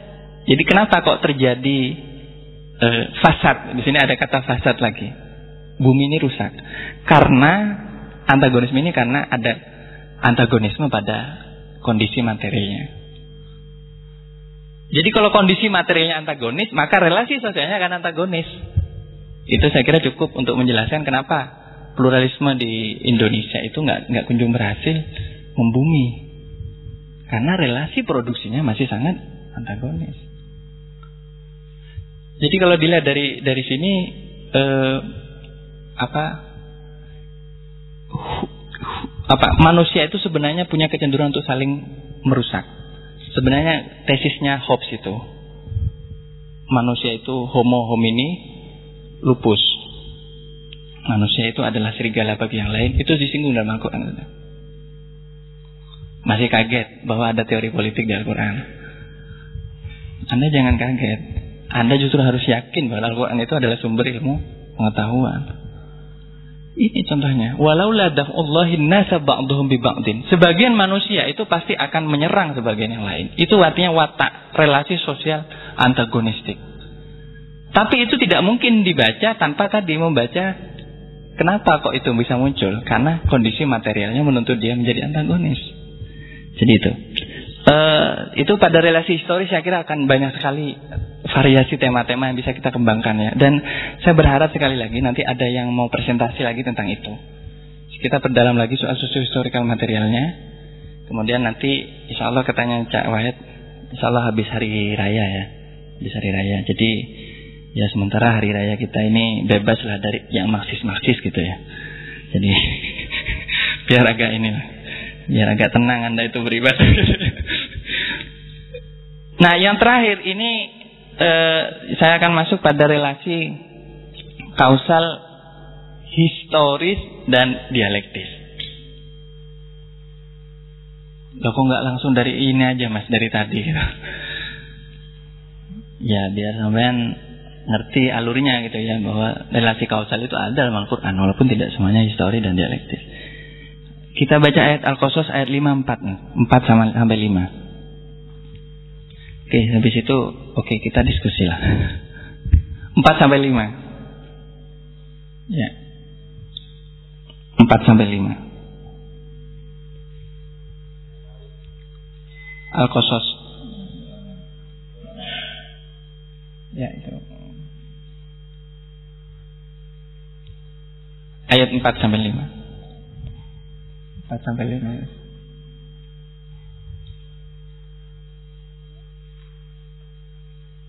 Coba dibacakan. Ya sampai dapat pahala. إن فرعون علا في الأرض وجعل أهلها شيعا يستدعف طائفة منهم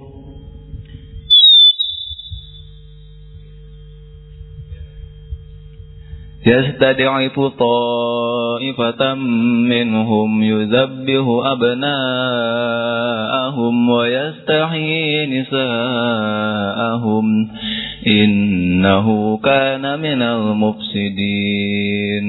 ونريد أن نمن على الذين استدعفوا في الأرض على الذين استضعفوا في الأرض ونجعلهم أئمة ونجعلهم الوارثين Ini ayat ini adalah kabar baik bagi mereka yang tertindas karena akan diberikan kekuasaan oleh Allah. Tapi jangan langsung senang. Dilihat dulu, kenapa kok bisa? Itu kayak gitu. Dia gini, Terjemahannya sesungguhnya Fir'aun telah berbuat senang-senang di muka bumi. Oke, okay? kita tahu semua. Dan menjadikan penduduknya berpecah belah dengan menindas segolongan mereka dari mereka dan menyembelih anak-anak mereka dan membiarkan hidup anak-anak mereka yang perempuan ya, anak-anak perempuan mereka. Sesungguhnya Fir'aun termasuk dari orang berbuat kerusakan. Nah, dan kami hendak memberikan karunia kepada orang-orang yang tertindas di bumi Mesir itu dan hendak menjadikan mereka pemimpin dan menjadikan mereka orang-orang yang mewarisi. Kita lihat dulu. Ini kalau di dalam dialektika namanya negasi atas negasi. Apa itu negasi atas negasi? Menurut uh, Sheikh Angels, jadi ada karena kalau menurut ada tiga tiga tiga bentuk ini ya. Negasi atas negasi itu sebenarnya menggambarkan dinamika internal dari kapitalisme. Kapitalisme itu tumbuh karena dia merampas. Uh, jadi ini ada ada pertama ini sebenarnya teori negasi atas negasi ini dikemukakan oleh Hegel ya. Kemudian dipakai oleh Marx untuk membaca ekspropriasi alias perampasan dilakukan oleh kapitalisme. Kapitalisme itu merampas e, kehidupan bersama untuk kemudian dijadikan e, sarana produksi privat ya pribadi. Kemudian dari sarana produksi, pri, produksi pribadi itu dia pada akhirnya akan mengalami negasi juga. Sarana produksi itu, itu tidak memadai untuk dirinya dan harus dibagi rata. Dan itulah kondisi ketika terjadi sosialisme.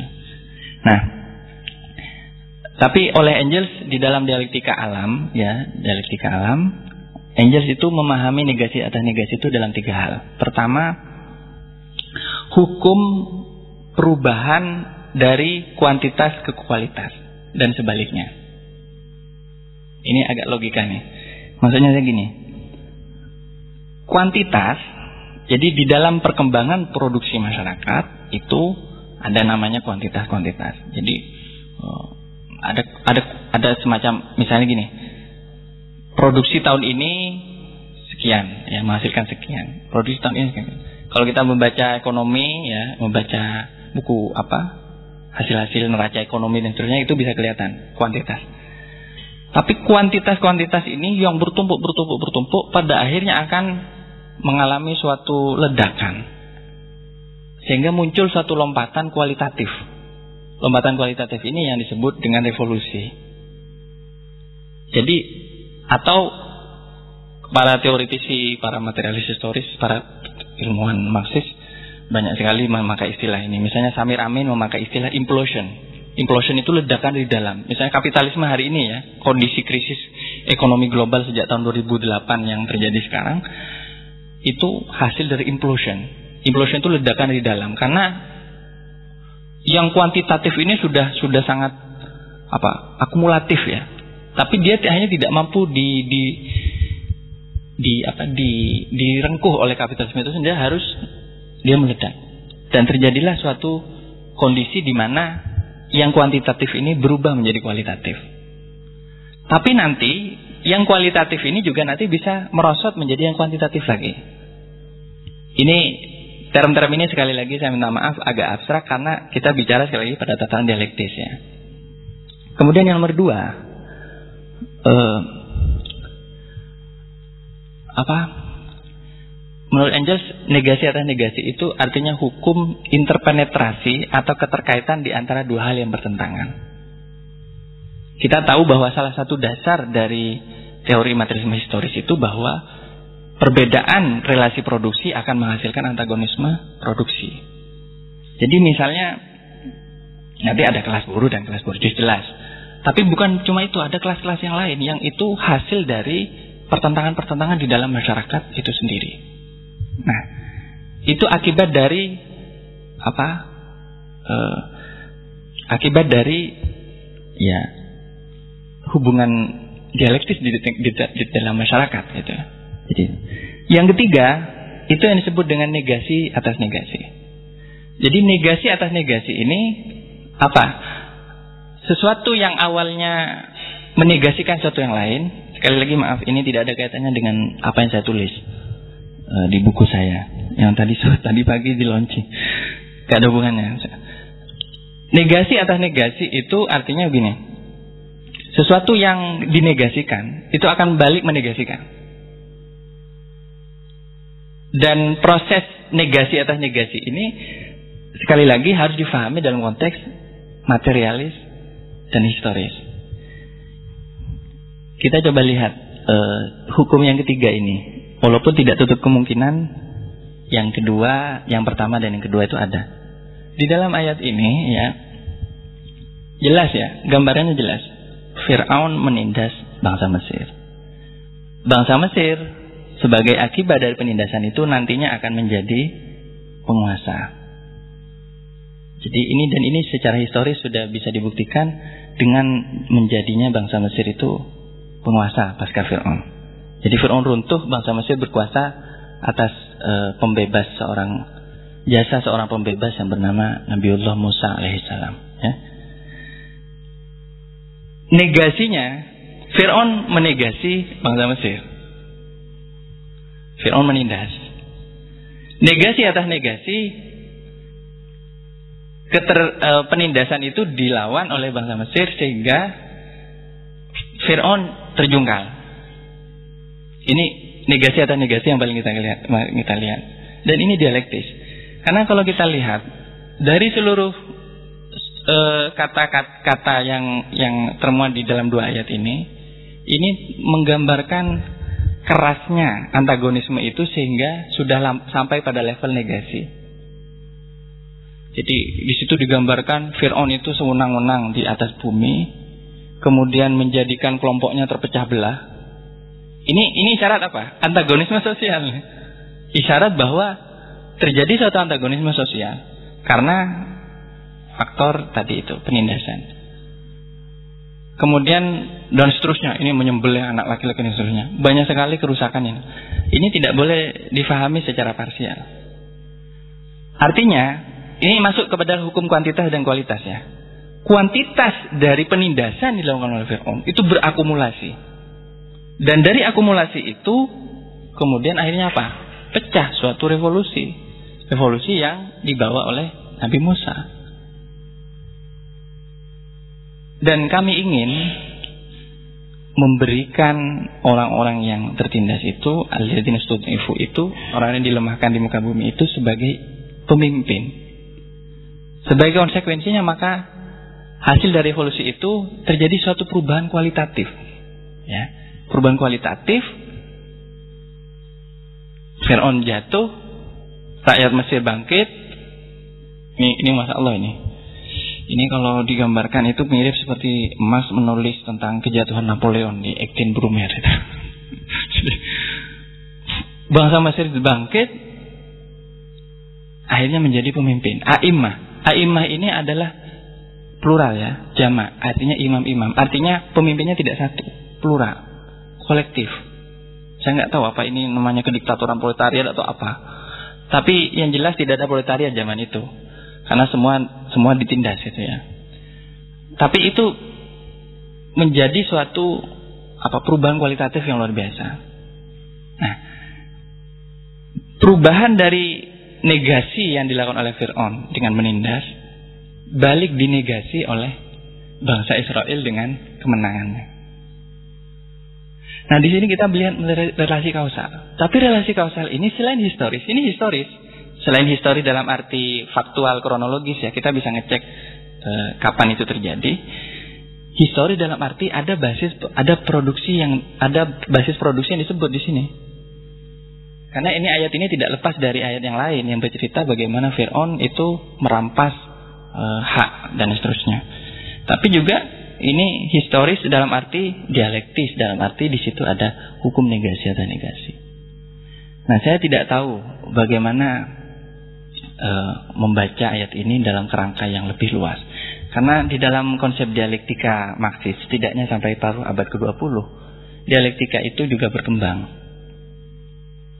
Nanti Lenin akan mengembangkan caranya sendiri, konsep dialektiknya sendiri dan seterusnya. Tapi saya cuma menyinggung satu konsep yang disebut e, negasi atau negasi. Dan negasi atau negasi ini satu konsep yang penting ya dalam tradisi, eh, dalam konteks materialisme historis dan dialektis ya. Dan ini ternyata sangat e, tergambar ya di dalam ayat ini. Sekali lagi ayat ini ada dua ayat ya. Dan ini hubungannya sudah relasi kausal yang sudah dimensinya antara ayat. Mungkin e, itu saja saya minta maaf karena terlalu panjang. E, terima kasih. Assalamualaikum warahmatullahi wabarakatuh.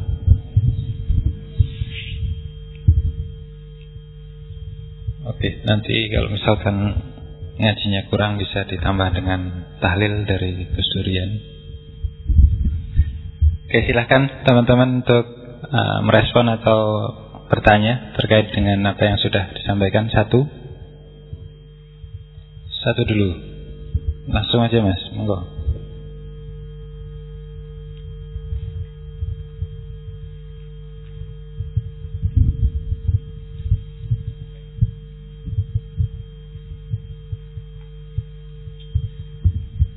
Bismillahirrahmanirrahim Assalamualaikum warahmatullahi wabarakatuh Malam ini untuk pertama kalinya saya eh, ikut serta dalam pembahasan mengenai pembacaan Al-Quran dalam perspektif materialisme historik. Eh, mungkin kalau saya menanggapinya bahwa ini mungkin adalah semacam pendekatan sosiologis terhadap uh, isi-isi Al-Quran. Saya cuma ingin bertanya bagaimana uh, pemateri menanggapi mengenai uh, mengenai kenyataan sosial dan juga mengenai pengetahuan otomatis kan marxisme ataupun materialisme historik ini mencoba untuk menjelaskan kenyataan sosial. Bagaimana menanggapi mengenai objektivasi, eksternalisasi dan internalisasi. Dan juga ketika mak ataupun kita berbicara di sini pada level perkembangan atau pada level dinamika sosial seperti itu. Kemudian juga bagaimana menanggapi mengenai diskursus kita mengenai materialisme terhadap apa yang dikatakan oleh Beckman dan Lukman mengenai determinasi pengetahuan terhadap kenyataan sosial di samping kenyataan sosial terhadap Hasan.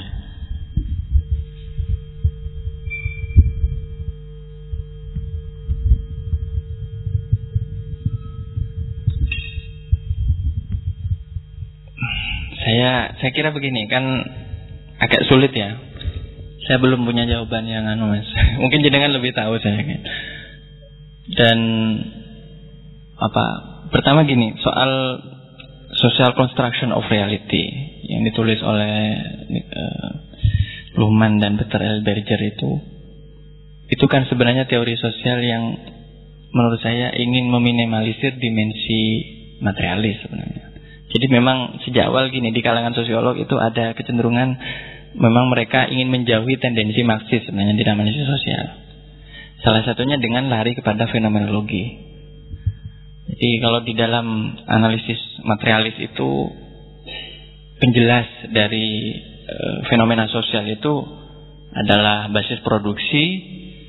Kalau di dalam teori fenomenologi adalah e, kesadaran subjek dan apa nilai-nilai yang dianut oleh subjek itu. Nah, e, saya nggak tahu gimana mengkompromikan itu dengan pembahasan kita malam hari ini ya karena saya kira Berger dan Luhmann itu berangkat dari tradisi yang berbeda yaitu tradisi sosiologi pengetahuan, sosiologi of knowledge yang itu memang sebenarnya tendensinya kalau saya saya nggak nggak akan menyebutnya anti marxis ya, tapi mungkin semacam uh, eh, post marxis atau mungkin apalah. Jadi bukan bukan marxis tentu saja. Nah, kalau kita mau memakai teori itu untuk membaca Al-Quran, ya ini butuh eksplorasi lagi, butuh butuh pembacaan lagi. Tapi kalau kita lihat bahwa pengetahuan apa kenyataan sosial yang ada dalam Al-Qur'an itu juga dibentuk oleh faktor pengetahuan tentu, faktor ideologi, faktor keyakinan dan seterusnya atau faktor imajinasi sosial ya. Jadi imajinasi masyarakat. Dan kita bisa melihat itu misalnya di dalam banyak ayat di mana uh, Al-Quran misalnya berbicara tentang cita-cita masyarakat yang ideal, baldatun tayyibatun wa rabbun ghafur, ya, dan seterusnya. Uh, mungkin itu nanti masuk pada ini tulisannya Pak Quraish Shihab yang lain ini, judulnya Islam dan Cita-Cita Sosial. Saya kira itu lebih masuk ya, Pak, misalnya masuk pada konteks internalisasi, apa tadi? Objektivasi dan eksternalisasi itu masuk di situ. Karena cita-cita sosial, imajinari sosial dan seterusnya itu ada dalam dimensi itu. Tapi tidak sampai menyentuh basis produksinya. Makanya saya menyarankan membaca yang lain, yang Islam dan perubahan masyarakat karena ini. Nah, saya kira e, memang agak berbeda karena tradisi aliran apa dalam konteks ilmu sosiologi itu kan juga agak agak beda alirannya itu. Sosiologi pengetahuan itu kan dari Mannheim, Berger kemudian Nah ini Marx itu, nah Mannheim ini sebenarnya sejak awal memang anti Marxis. Kalau kita tahu, makanya agak populer di kalangan sosiolog positivis tahun tahun 80 90-an termasuk kalangan sosiolog yang katakanlah dalam tanda petik itu agak dekat dengan orde baru. Ya, jangan salah bahwa ilmu-ilmu sosial yang kita pelajari hari ini ini sebenarnya ada kaitannya dengan uh, kondisi sosial saat itu. Ya. Nah kalau ingin lebih tahu soal itu bisa baca buku yang diedit oleh Daniel Dakidai judulnya Social Science and Power in Indonesia. Di situ dijelaskan kenapa Marxisme nggak ada dalam sosiologi kita dan seterusnya. Saya belum bisa menjawab tapi ada cita-cita sosial itu ada dalam Al-Quran. Jadi internalisasi transaksi itu ada dan proses itu terjadi di setiap fase dari perkembangan masyarakat. Gitu.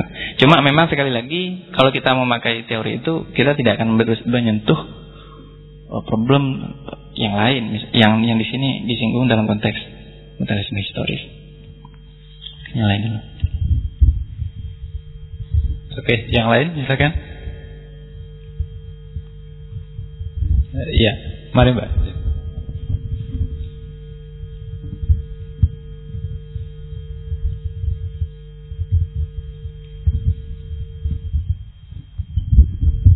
Ya, selamat malam. Uh, perkenalkan nama saya Ajeng dari Sanata Dharma. Uh, mungkin uh, untuk penjelasan Al-Quran dan lainnya saya tidak berani untuk bertanya, tapi ini mungkin agak sedikit menyinggung konteks dari yang kita bicarakan dari awal. Itu apakah di dalam Al-Quran sendiri di ayat-ayat ketika kita bicara tadi dialektika materialisme lalu kemudian tentang bagaimana proses apa ya pelentingan sejarah ya pergerakan sejarah yang membahas secara khusus tentang kolonialisme.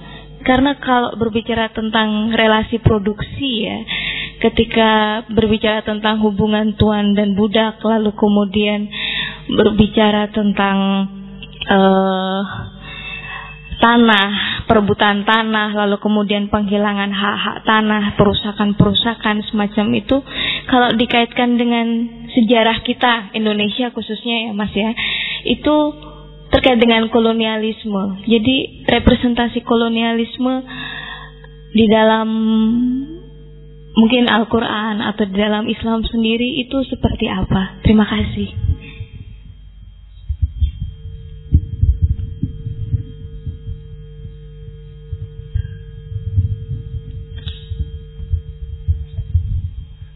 Ini saya usulkan nanti jadi tema khusus mbak.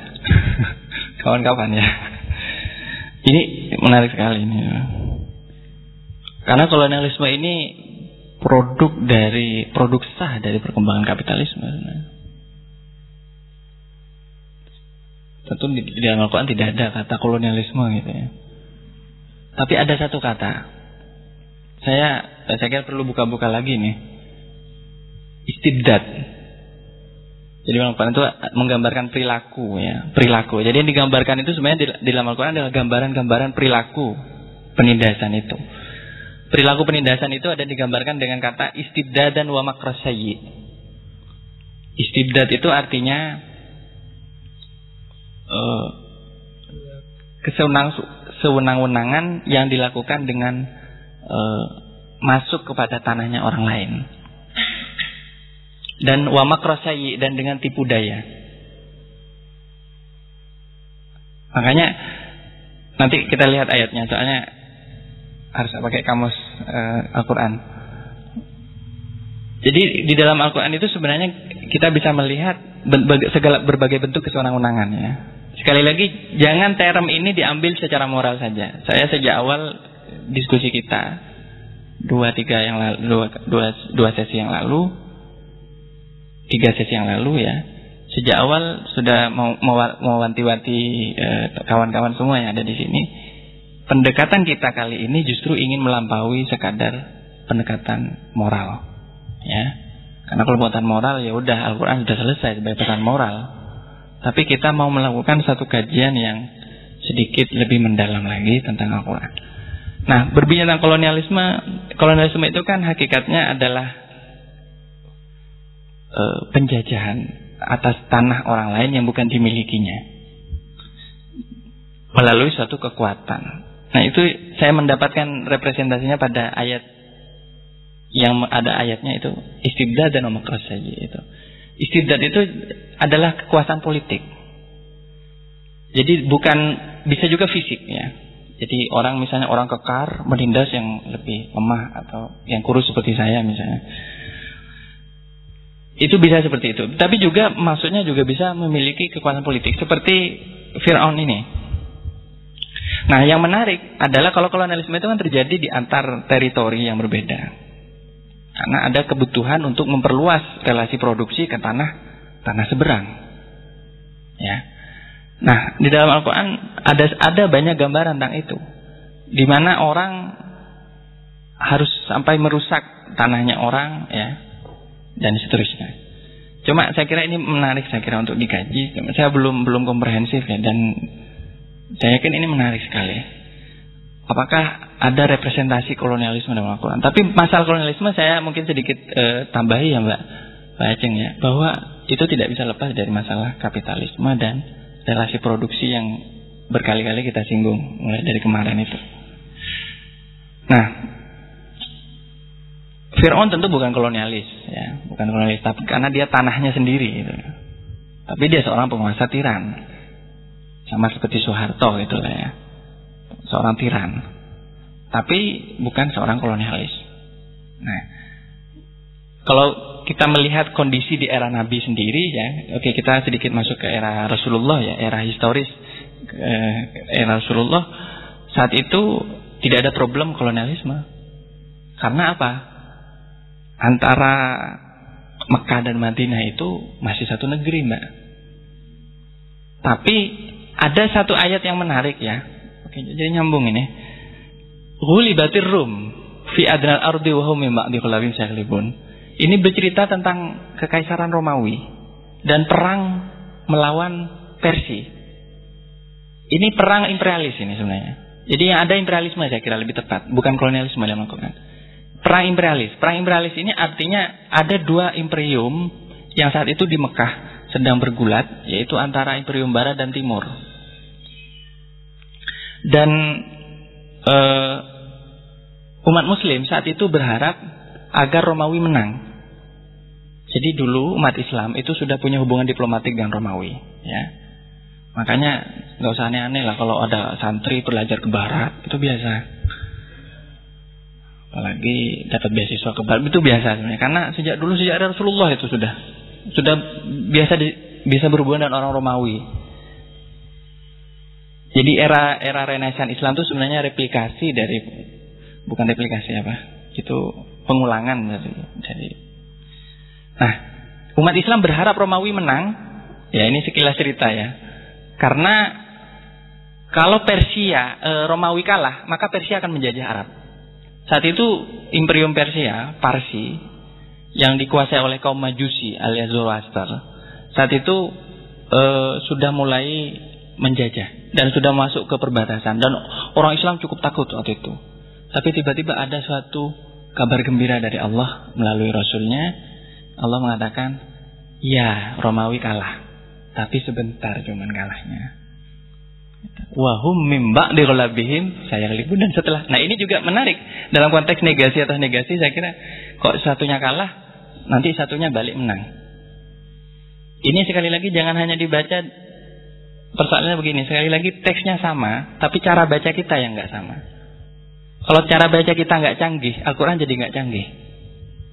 Kalau cara baca kita canggih, Al-Quran itu bisa menjawab problem seribu tahun ke depan. Saya yakin.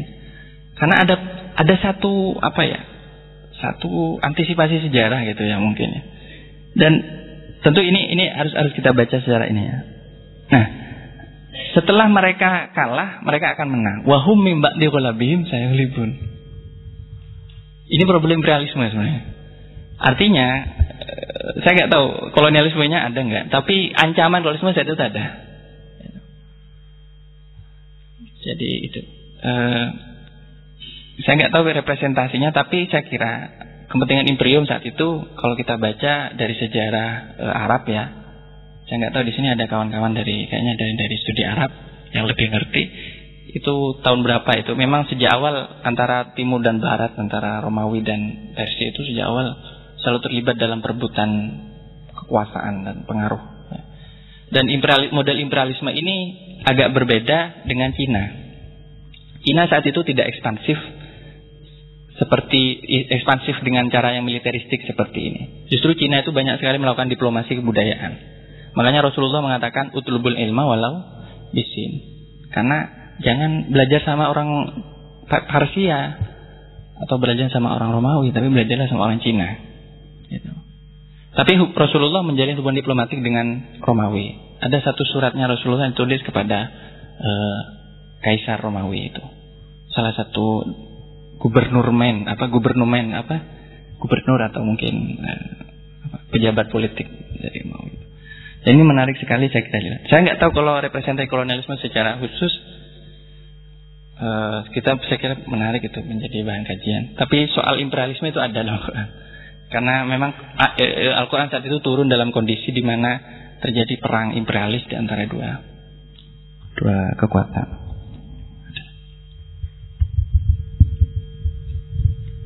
Ada lagi? Silakan. Satu, dua, tiga, empat. Sangat? Langsung aja sekalian empat.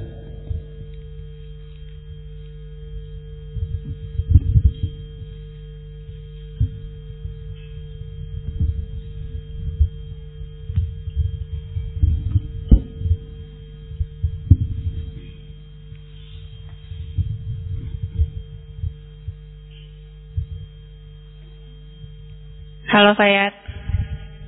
Halo, uh, nama saya Gita dari Filsafat UGM. Um, saya tertarik untuk bertanya tentang bagaimana tadi caramu menjelaskan relasi kausal hubungannya dengan pemahamanmu tentang determinasi sejarah dalam materialisme historis. Apakah um, sebab akibat yang sejak tadi kamu um, relasi kausal yang ada di dalam Quran tadi kamu bicarakan, um, apakah um, relasi-relasi tersebut akan terakumulasi dalam suatu um, dalam suatu um, ujung yang sifatnya deterministik, hubungannya dengan um, sebetulnya konsep temporalitas dalam Al-Quran itu seperti apa sih? Apakah karena dalam agama kan kemudian ada awal dan akhir sehingga saya membayangkannya dia linier dan teleologis. Tapi apakah dari pembacaanmu tentang relasi kausal dalam Al-Quran itu kita bisa melampaui bentuk waktu yang linier dan teleologis ini yang membuat um, beberapa kritikus um, post-Marxis menganggap bahwa um, materialisme historis itu deterministik. Itu terima kasih.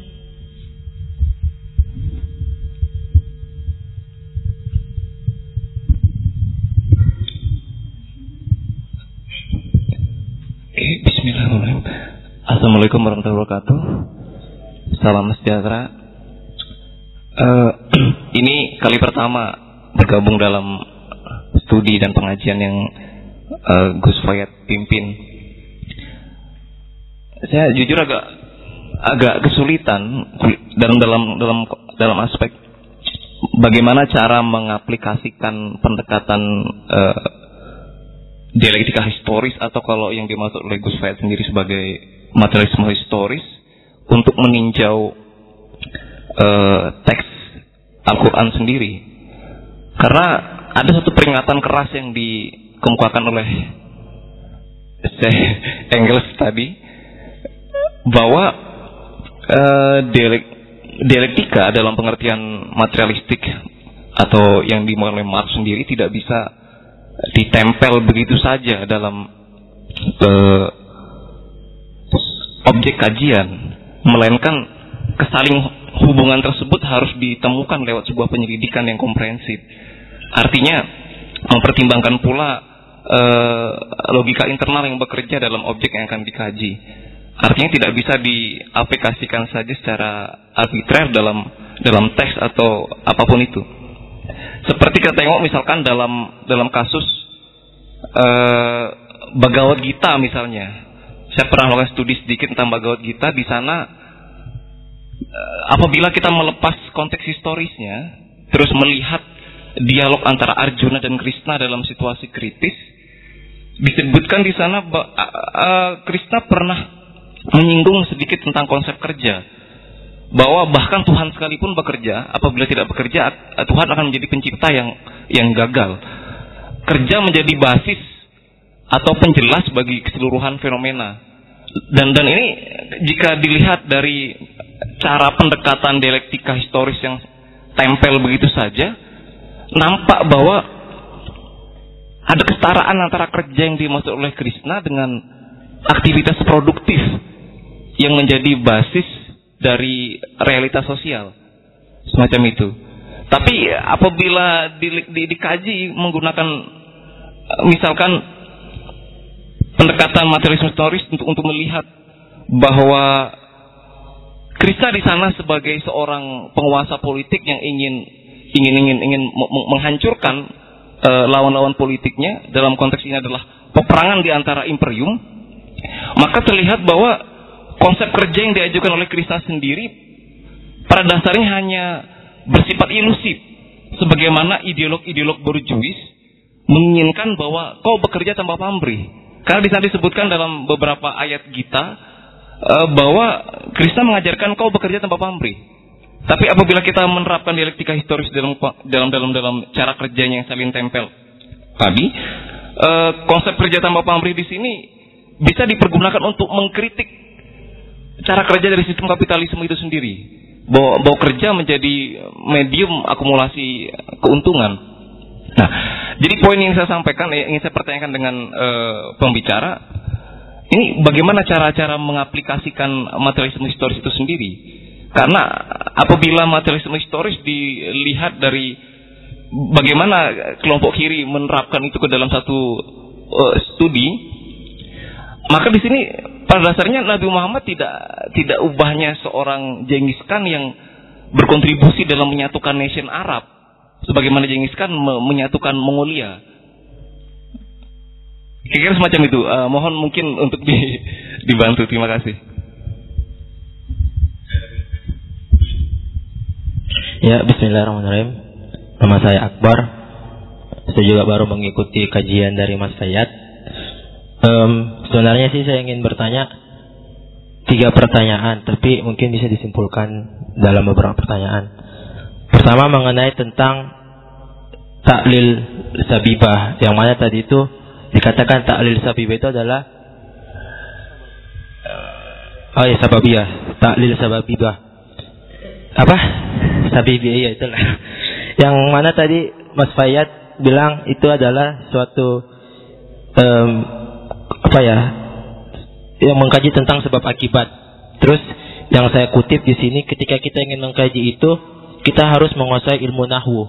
Ah, yang pertanyaan yang mendasar bagi saya, ketika misalnya kita tidak menguasai ilmu nahwu itu, apakah mungkin kita bisa menguasai konsep itu dalam hal menangkap sebab akibat yang ada di Al-Quran itu? Itu yang pertama. Terus yang kedua, um, saya juga kutip di sini ada yang namanya ilmu nasabah. Perbedaannya apa antara ilmu nasabah dengan ilmu taklil sa, sab, apa? Oh, sababiyah. Taklil sababiyah itu yang kedua.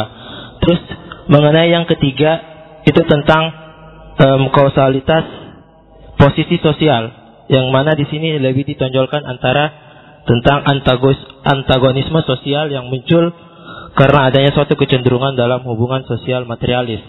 Nah, di sini sempat saya apa ya um, kaji bahwasanya ini sejajar juga dengan ajarannya aliran Mu'tazilah yang lima ajaran itu usul al khamsah.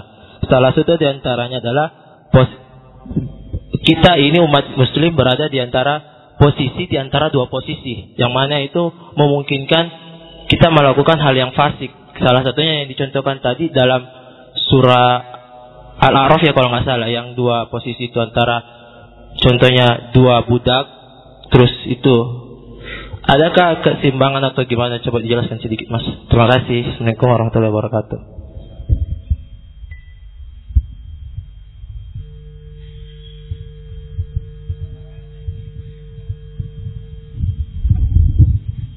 Ya, uh, makasih. Nama saya Udin, saya dari UGM. Uh, eh, yang ingin saya tanyakan kepada Mas Fayat adalah um, seberapa seberapa universalkah atau seberapa kuatkah pendekatan materialisme historis itu dipakai untuk menafsirkan Al-Quran. Uh, salah satu problem yang menjadi bahasan utama dari hermeneutika uh, terutama Gadamer misalnya, itu yang sering terjadi dalam proses penafsiran itu sebenarnya bukan Al-Quran yang berbicara sendiri, tetapi prasangka atau prejudis seseorang ketika membaca Al-Quran mempengaruhi hasil tafsirnya. Dan itu yang menyebabkan mengapa ketika Anda seorang Maksis dan kemudian membaca Al-Quran, itu maka hasil tafsirnya itu serasa mendukung narasi Marxisme. Dan ayat-ayat tentang Namrud versus Ibrahim, Musa versus Fir'aun, eh, Nabi Muhammad versus Jahiliyah, Abu Jahal atau Abu Sufyan. Itu terlihat seperti narasi uh, kaum berjuis melawan proletar. Sementara kalau Anda seorang salafi misalnya, itu membaca Al-Quran akan terasa narasinya tauhid versus syirik. Akan berbeda lagi. Dan itu bukan soal uh, kaum berjuis melawan proletar. Kalau Anda seorang demokrat, ayat tentang istibdad wa makrosai tadi yang dipakai oleh Mas Fahid untuk mendukung apa untuk melawan kolonialisme itu kan sebenarnya juga bisa dipakai untuk melawan marxisme karena istibdad itu kan artinya dalam bahasa Arab modern setidaknya adalah diktatorship sementara marxisme itu di antara tujuan utamanya nanti adalah uh, mendirikan dictatorship of proletariat. Dan itu kan bisa bertentangan dengan hal itu. Dan tidak semua ayat-ayat yang dipakai di dalam uh, Al-Quran itu kan uh, bisa dipaksakan dan ini juga berlaku untuk orang-orang yang mereka memperjuangkan pergerakan non-violent dengan yang violent. Mereka orang-orang yang cenderung keras akan mengutip misalnya ayat uh, innama jazaa'ul ladzina yuharibunallaha wa rasulah wa yas'auna fil ardi fasada yusallabu misalnya. Itu kan ada kata-kata fasad. Ketika itu di di diidentifikasi dengan narasi marxisme, fasad itu kan akan diartikan sebagai orang-orang kapitalis yang me, apa, menjajah orang-orang proletar, mustadafin. Dan dengan ayat itu kan kemudian orang akan menjustifikasi bahwa revolusi bisa kita lakukan dengan kekerasan karena ayatnya menyatakan bahwa orang-orang yang menyebarkan kekerasan ayyuqatalu au yusallabu au tuqata aydihim wa arjulum min khilafin au yunfau minal ard. Dan ayat ini juga dipakai oleh ISIS untuk melawan orang-orang yang mereka anggap sebagai tohut, misalnya Bashar Assad di Syria atau rezim Al-Maliki di Irak. Nah, singkatnya pertanyaannya, apakah itu pendekatan seperti ini pendekatan yang pendekatan yang bisa diberlakukan secara universal untuk Al-Quran atau itu sebenarnya prejudis saja dari sisi seorang Marxis membaca itu sehingga ayatnya kelihatan seperti mendukung Marxisme. Makasih.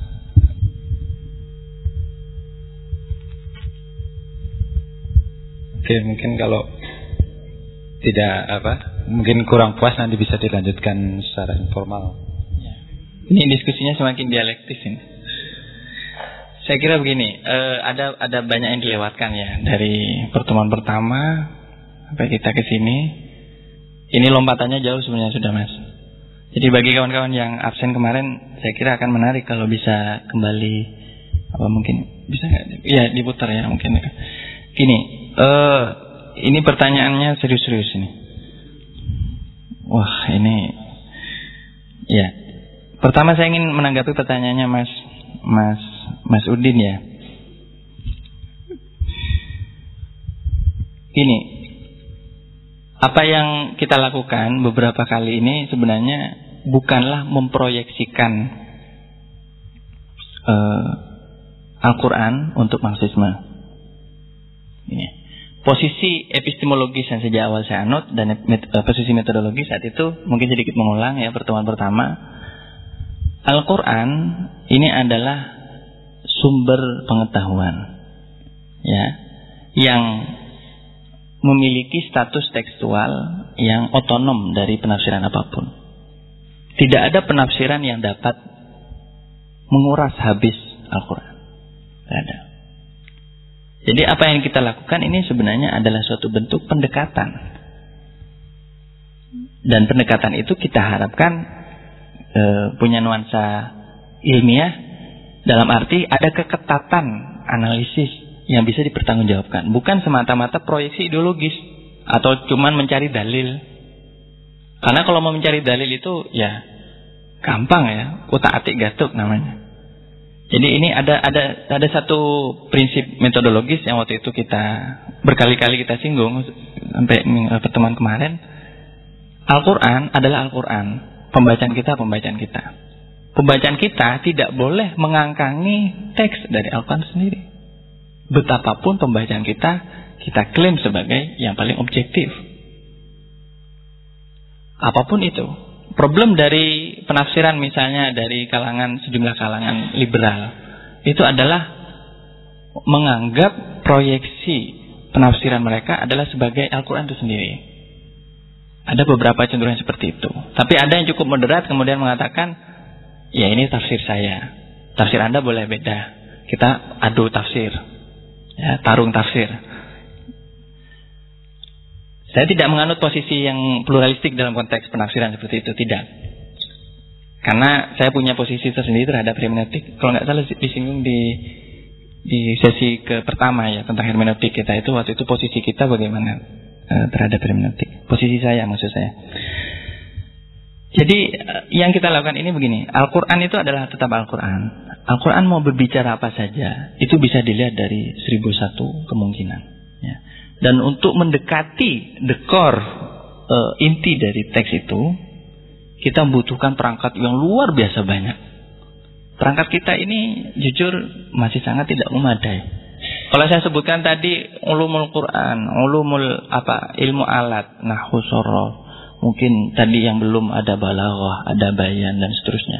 Itu sebenarnya adalah jembatan untuk sampai kepada dekor dari Al-Quran itu. Tanpa kita mengklaim dekor itu sebagai milik kita. Karena apa? Penafsiran itu saya setuju dalam hermeneutik dengan hermeneutik dalam hal ini historis. Dia dikondisikan oleh kondisi-kondisi historis. Kalau kita hari ini membaca Al-Quran dengan perspektif Marxis, misalnya, itu bukan karena kita ingin menganggap Marxisme itu relevan segala zaman, tidak. Tapi karena Marxisme menjawab sebagian problem yang ada pada hari ini. Dan problem hari ini apa? Ada problem ya yang Anda tahu semua gitu. Pertanyaannya bagaimana mengkontekstualkan Al-Quran dengan problem itu? Apakah kita hanya diam saja, kemudian melihat penindasan, melihat orang menjual belikan ayat, Ya. Ini saya kira ini tanggung jawab etis, moral dan aksiologis kita sebagai seorang muslim. Kita mesti mencari isyarat Al-Qur'an yang berbicara tentang problem objektif yang kita alami hari ini. Dan itu yang coba kita lakukan. Nah sebenarnya kalau masuk ke dialektika ini memang aspek yang paling kontroversial dari Marxisme. Karena dialektika ini tidak semua Marxis menerima. Ada makanya saya lebih senang tetap pada dimensi materialis historis saja. Gak usah masuk ke dialektika. Tapi karena provokasi seorang kawan ini, ada nggak dialektika dalam Al-Quran? Saya coba, ternyata ada. Tapi bukan berarti ayat itu otomatis uh, sekali lagi otomatis itu maksis, bukan ayat maksis. Nggak ada ayat maksis. Ayat ya ayat, gitu loh. Sekali lagi saya kita tidak boleh dan saya kira tidak bertang, tidak tidak bisa seperti itu memproyeksikan ideologi kita apa pun kepada Al-Quran itu hanya akan mengideologisasi Al-Quran dan seperti saya bilang tadi, mengangkangi Al-Quran dengan subjektivitas kita. Saya tidak tertarik sama sekali dengan misalnya bagaimana mencari dalil atas politaktoran proletariat, bagaimana mencari dalil atas penghisapan, nggak menarik buat saya. Bukan itu. Tapi kita lihat begini, ya. Ini yang namanya Zizek oleh Zizek ini disebut parallax view. Ini metodologi unik ini. Paralaks itu artinya gini, melihat secara paralaks. Paralaks itu melihat bukan dari sudut pandang situ atau sini, tapi dua belah pihak. Bagaimana Al-Quran, ya ini belum saya tulis ini, tapi nggak apa-apa lah saya bilang. Bagaimana Al-Quran berbicara tentang kondisi objektif masa kita. Al-Quran, saya pernah, pernah dalam sebuah wawancara dengan Indo Progress, saya pernah menulis bahwa, uh, mengatakan bahwa Al-Quran itu merupakan potret relasi sosial pada zamannya. Dalam ayat-ayat sosialnya. Dalam ayat-ayat yang berbicara tentang kondisi masyarakat.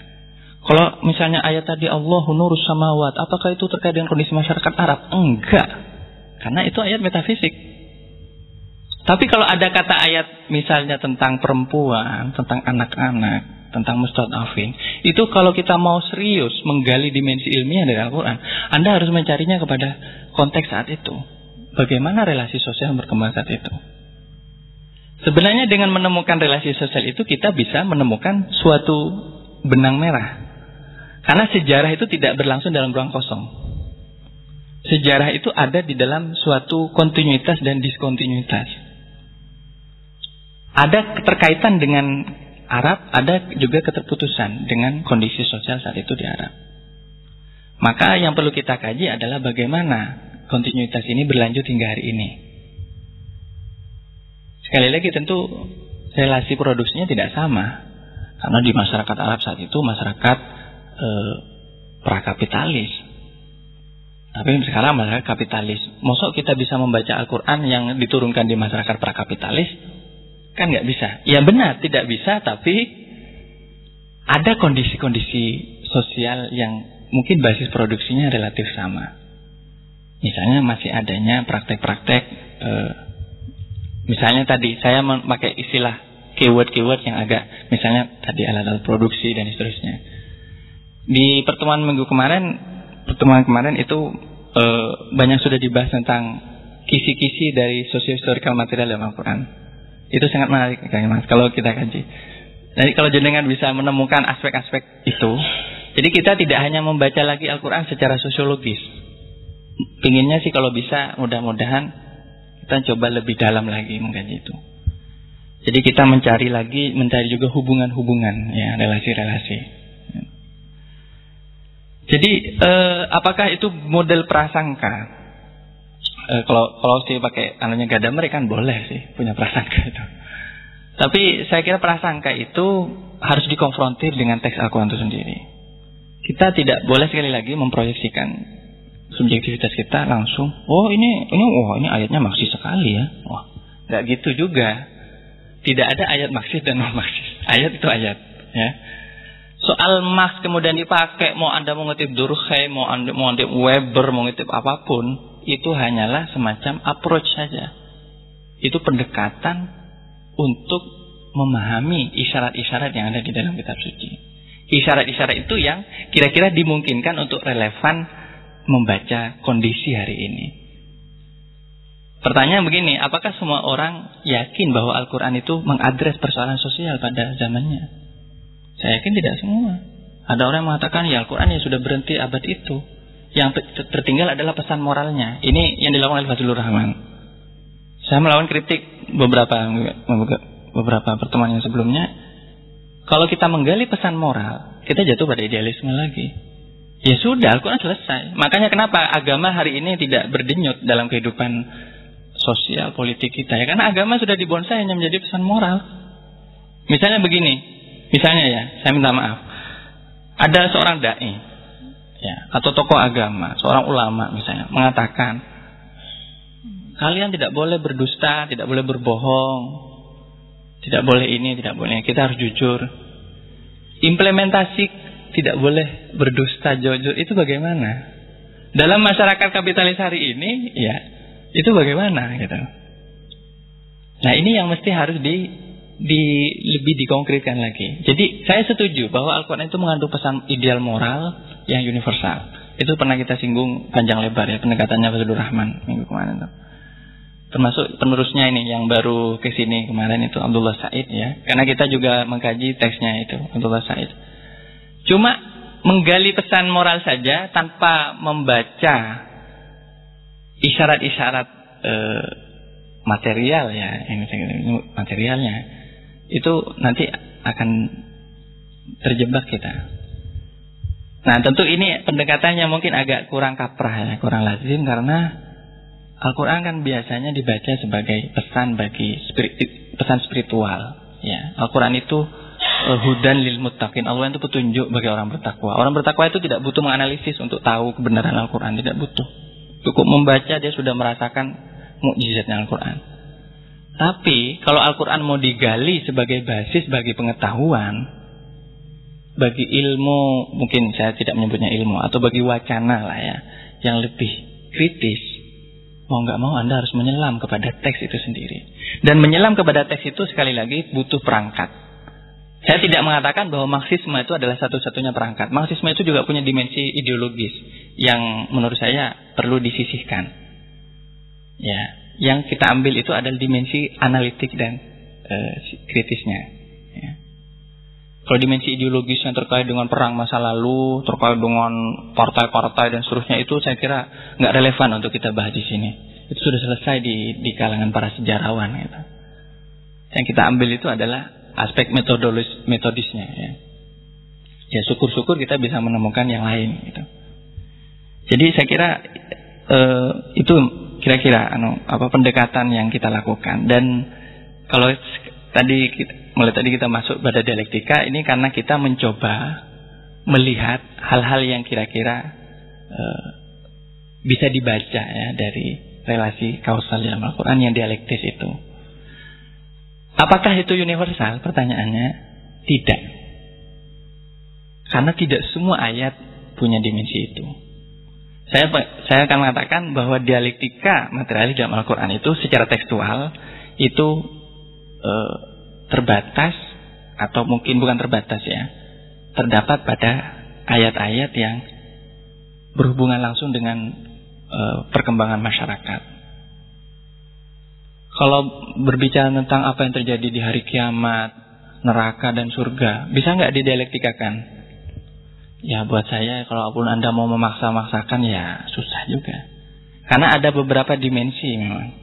Seperti tadi ada kausalitas yang dimensinya itu dunia dan akhirat. Itu nggak bisa ditangkap oleh dialektikanya Marx, nggak bisa. Sekali sekali lagi di sini saya akan mengkritik Marxisme, karena Marxisme nggak bisa menangkap dimensi itu. Marxisme nggak percaya akhirat. Lalu Marxisme bisa dipakai untuk apa?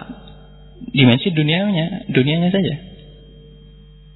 Di sini saya kira sekali lagi Al-Quran bukan kitab bukan kitab ilmiah ya. Al-Quran itu adalah petunjuk. Dan sebagai petunjuk dia harus dibaca, ia harus dibaca dalam segala aspeknya. Uh, sekali lagi, kemudian yang kedua, pendekatan ini sifatnya bukan instrumentalis, artinya bukan kemudian kita asal pakai saja itu. Kalau asal pakai kayak gitu, kalau istilahnya masnya tadi asal tempel. Kalau asal tempel kayak gitu, saya yakin hasilnya juga akan sepotong-potong. Tapi saya mencoba menerapkan pendekatan yang dipakai oleh Louis Althusser. Dia memakai namanya pendekatan pembacaan simptomatik. Simptomatik itu membaca isyarat-isyarat. Ya. Jadi gini, kalau ada satu ayat ya yang bercerita tentang ini dan itu, ini kaitannya dengan yang lain apa? Nah, sementara kita merangkai puzzle dulu. Karena ini puzzle-nya belum terangkai. Puzzle-nya masih dalam level ayat per ayat ya. Bahkan kalau di minggu kemarin yang di socio historical material itu levelnya kosakata puzzle-nya itu. Kita membaca penandanya dulu gitu. Ini metodologi kita dalam membaca ya. Dan mudah-mudahan ini bisa kita lakukan uh, dengan lebih komprehensif di masa mendatang. Tentu butuh waktu. Kemudian soal uh, diamat ya memang tidak ya soalnya tidak bisa ditempel harus kaji komprehensif. Iya mas, ya saya kira iya ya. Saya juga tidak setuju kalau kemudian ditempel-tempel dan asal menemukan gitu. Tapi kita harus mengkaji kaitan antara satu ayat dan yang lain-lain. Nomor soalannya kita mencari dulu yang paling kelihatan. Ini yang paling kelihatan dari beberapa ayat dan itu ternyata keterkaitannya dengan ayat yang lain juga sangat eksplisit. Nah untuk bisa mengkaji tentu butuh perangkat. Sekali lagi ilmu kita ini sangat terbatas di sini. Masih kita belum masuk kepada ilmu tafsir ya. Kepada tafsir kepada ilmu asbabun nuzul secara menyeluruh. Kalau bisa direkonstruksi wah itu mungkin jadi satu ensiklopedi itu. Ensiklopedi materialis historis Al-Quran gitu. wah dasar itu artinya bisa direkonstruksi sampai kepada kondisi kehidupan di era Rasulullah Ya, tapi saya kira tidak ada pengetahuan absolut seperti itu, tidak ada. Jadi makanya kita mulai dari membaca isyarat-isyarat dari keterkaitan di antara ayat itu. Kemudian eh, soal temporalitas non linear. Kalau mengikuti eh, mengikuti anu ya secara sekilas ya bagaimana Al-Qur'an berbicara tentang perubahan masyarakat. Perubahan itu memang mengikuti kalau kita mau mau melihat e, dari dari pola-pola perubahan yang yang ini sudah disinggung juga oleh Pak Quraisy ya bahwa masyarakat itu tidak otomatis langsung berubah. Ada pola-pola yang yang terjadi gitu ya. Dan itu mungkin yang dimaksud dengan determinasi itu ya jadi perubahan itu terjadi cuma mungkin kontinu atau diskontinu ada pola-polanya. Nah, persoalannya kalau Pak Kures Shihab ini kan tidak membahas basis produksi dari perubahan itu. Kira-kira kalau kita mau mencoba agak serius masuk kepada dimensi materialis itu ya kita kita akan melihat dari basis produksinya. Kira-kira teori Al-Quran tentang perubahan itu bagaimana? Apakah teorinya itu linear atau lompatan-lompatan? Nah, di dalam teori Marxis sendiri sebenarnya tidak linear juga. Karena kalau kita lihat e, progres ya, yang disebut progres itu jangan dibayangkan seperti progresnya para kaum positivis. Kaum positivis itu kaum positivis borjuis ya.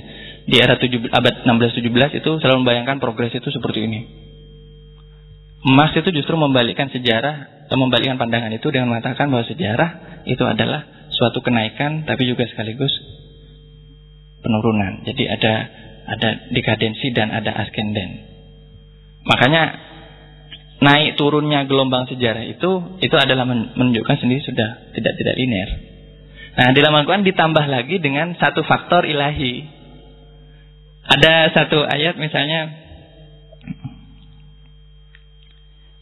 yang bercerita bahwa Tuhan itu tidak mungkin mengadab suatu uh, Korea ya atau suatu bangsa atau mungkin suatu kota atau suatu polis atau apa pun lah. Kalau di dalamnya masih ada orang yang beriman. Ya. Artinya Tuhan memiliki kekuasaan, Allah Subhanahu wa taala memiliki kekuasaan untuk menghancurkan apa pun kapan saja. Nah, faktor ilahiyah ini juga non linear. Karena kita tidak tahu tiba-tiba terjadi apa gitu. Tapi bukan berarti Tuhan selamanya bekerja dengan cara ilahi. Cara ilahi itu diterjem apa diresapkan oleh Tuhan ke dalam pola-pola duniawi. Jadi ini eh, apa? Kalau kita mengkaji intervensi, bagaimana Tuhan itu mengintervensi hambanya. Jadi Tuhan bekerja, cuma bekerja dengan yang disebut dengan sunnatullah itu. Walan tajid li sunnatillahi tahwila. Perubahan itu tidak bisa Sunatullah tidak bisa diubah. Artinya ada hukum-hukum yang memang relatif tetap. Saya kira tidak linear memang temporalitasnya. Dan kalau kau masih sekarang ngomong soal temporalitas yang jumpalitan dan seterusnya itu saya kira sangat menarik kalau dikaji bagaimana Al-Quran berbicara tentang waktu. Saya kira soal aduh nahu dan munasabah ya Ya itu sama-sama penting mas. Jadi kan gini, dimensi Al-Quran ini banyak ya. Ada dimensi lafziyah, maknawiyah, ada dimensi semantiknya, ya semantik maknawiyah ya. Ada dimensi uh, uh, yang saya saya coba perkenalkan itu dan ini sebenarnya juga sudah sudah diperkenalkan oleh para mufasir ya. Dimensi logisnya ya, mantiknya. Kemudian dimensi ada dimensi intertekstualnya. Macam-macam banyak dimensi. Nah, untuk mempelajari itu tentu ada ribuan ilmu yang dipakai.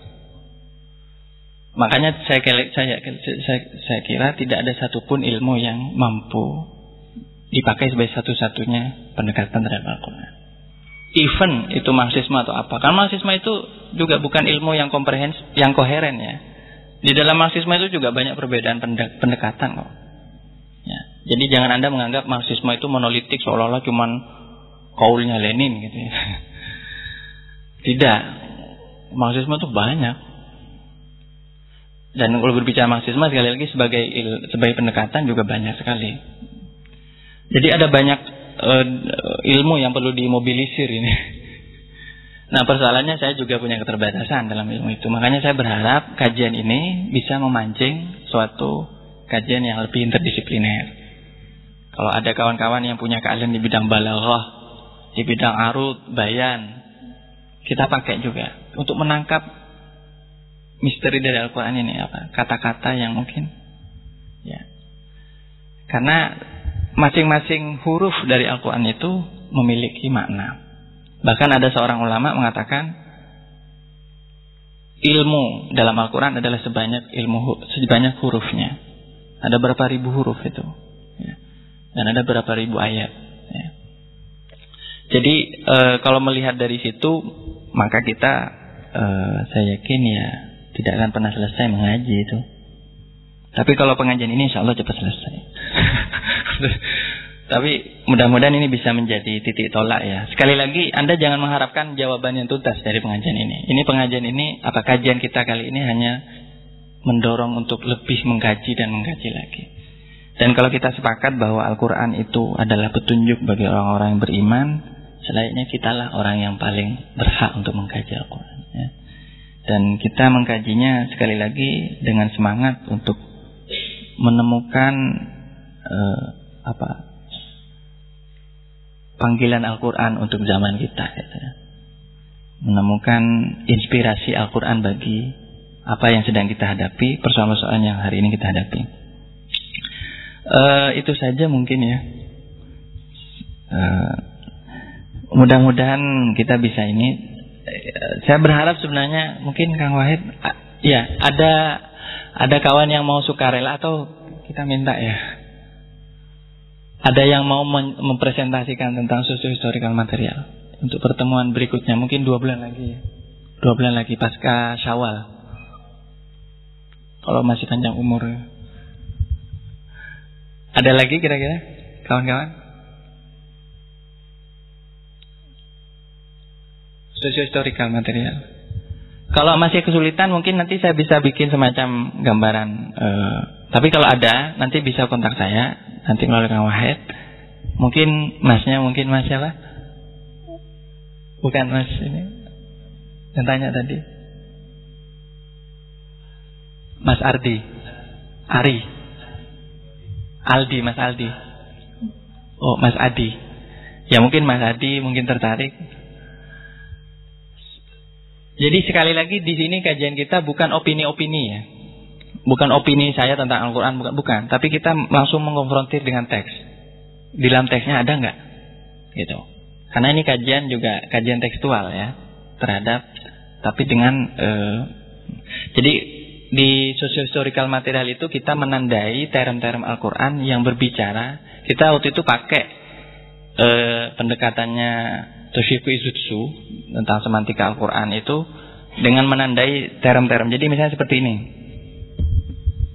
Jadi misalnya kita menandai seperti ini ya. Eh, misalnya ada kata almal ya. Al-Quran ya harta ya. Kemudian albanun harta anak-anak. Kemudian ada zina. Ya. Kemudian almalu albanuna zina itu ya. Al-haya misalnya. Nah, ini keterkaitan di antara kata-kata ini secara semantik apa? Keterkaitannya. Kita mencoba mengkaji itu. Dan kita mencari kemudian, tapi yang kita cari lebih khusus lagi adalah problem yang terkait dengan produksi. Karena dalam material historis itu ada beberapa ancar-ancar ya. Ada basis produksi, ada e, relasi produksi, ada alat-alat produksi, ada subjek yang terlibat dalam produksi. Nah kita kita tandain. Misalnya ada kata hamba. Oh ini hamba berarti terkait dengan majikan. Kita tanda itu. E, kita kalau bisa menandai itu saja, kemudian kita melakukan analisis ya dengan e, perangkat-perangkat yang ada, saya yakin akan banyak sekali manfaatnya. Nah, cuma kalau ada menjadi sukarelawan. Kalau tidak ada ya kasihan deh saya ini.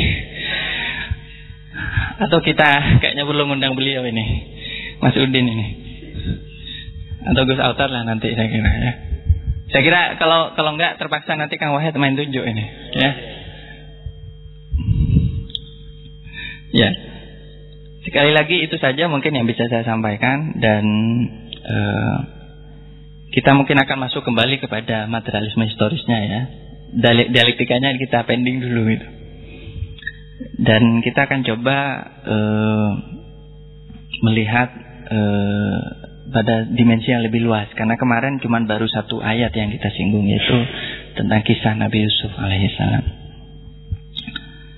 Itu saja dari saya. Hadanallahu yakum ajma'in. Semoga apa yang kita pelajari, kita kaji malam hari ini kalau bermanfaat, semoga diberikan manfaat oleh Allah Subhanahu wa taala. Kalau tidak, semoga uh, dilupakan itu ya dan semoga itu uh, menjadi mimpi saja gitu. Itu saja dari saya. Assalamualaikum warahmatullahi wabarakatuh. Oke, terima kasih Gus Fayat yang sudah ngisi malam hari ini. Mungkin bagi teman-teman yang agak kurang begitu apa nyambung ataupun masih pertanyaannya kok sepertinya sudah kita bahas di pertemuan yang lalu yang lalu-lalu. Ini ada rekaman dari kami. Biasa kami upload di Facebook. Kalau mau langsung di copy dari laptop ini juga bisa. Untuk menyambung apa yang mungkin tadi dijelaskan oleh Gus Payat. Mungkin itu sudah dibahas banyak di pertemuan yang lalu. Uh, sekedar kami romasikan untuk besok masih ada acara juga di sini malam. Itu untuk kelas menulis menulis di masjid sama Gus Muhyiddin Imdahlan. Malam juga jam 8 bagi teman-teman yang lowong waktunya bisa hadir. Dan untuk kelas menulis ini memang kita harapkan ada apa ya produksi yang bisa kita hasilkan dari setiap kajian yang dilakukan oleh Masjid Jenderal Sudirman Gus ini juga salah satunya yang barangkali nanti akan bisa memproduksi karya dari Gus sendiri dan respon dari teman-teman dan kami siap untuk mempublikasikan itu ataupun menerbitkan menjadi sebuah buku. Nah maka dari itu kelas menulis ini memang kami format untuk uh, membantu kami dalam proses mengolah dari yang awalnya rekaman menjadi tulisan. Nah, makanya dari itu uh, kalaupun mau diposting dulu di Facebook masing-masing tidak menjadi soal. Ataupun kalau masih dicoba-coba mungkin nanti bisa dikirimkan di buletin Sendar Sudirman juga bisa. Asal tinggal ada ada hasilnya lah tulisan yang bagaimanapun bentuknya. Oke. Okay? Mari kita akhiri ngaji kita malam hari ini dengan sama-sama membaca alhamdulillah. Alhamdulillahirabbil alamin. Mohon maaf bila ada kekurangan. Kami akhiri. Assalamualaikum warahmatullahi wabarakatuh.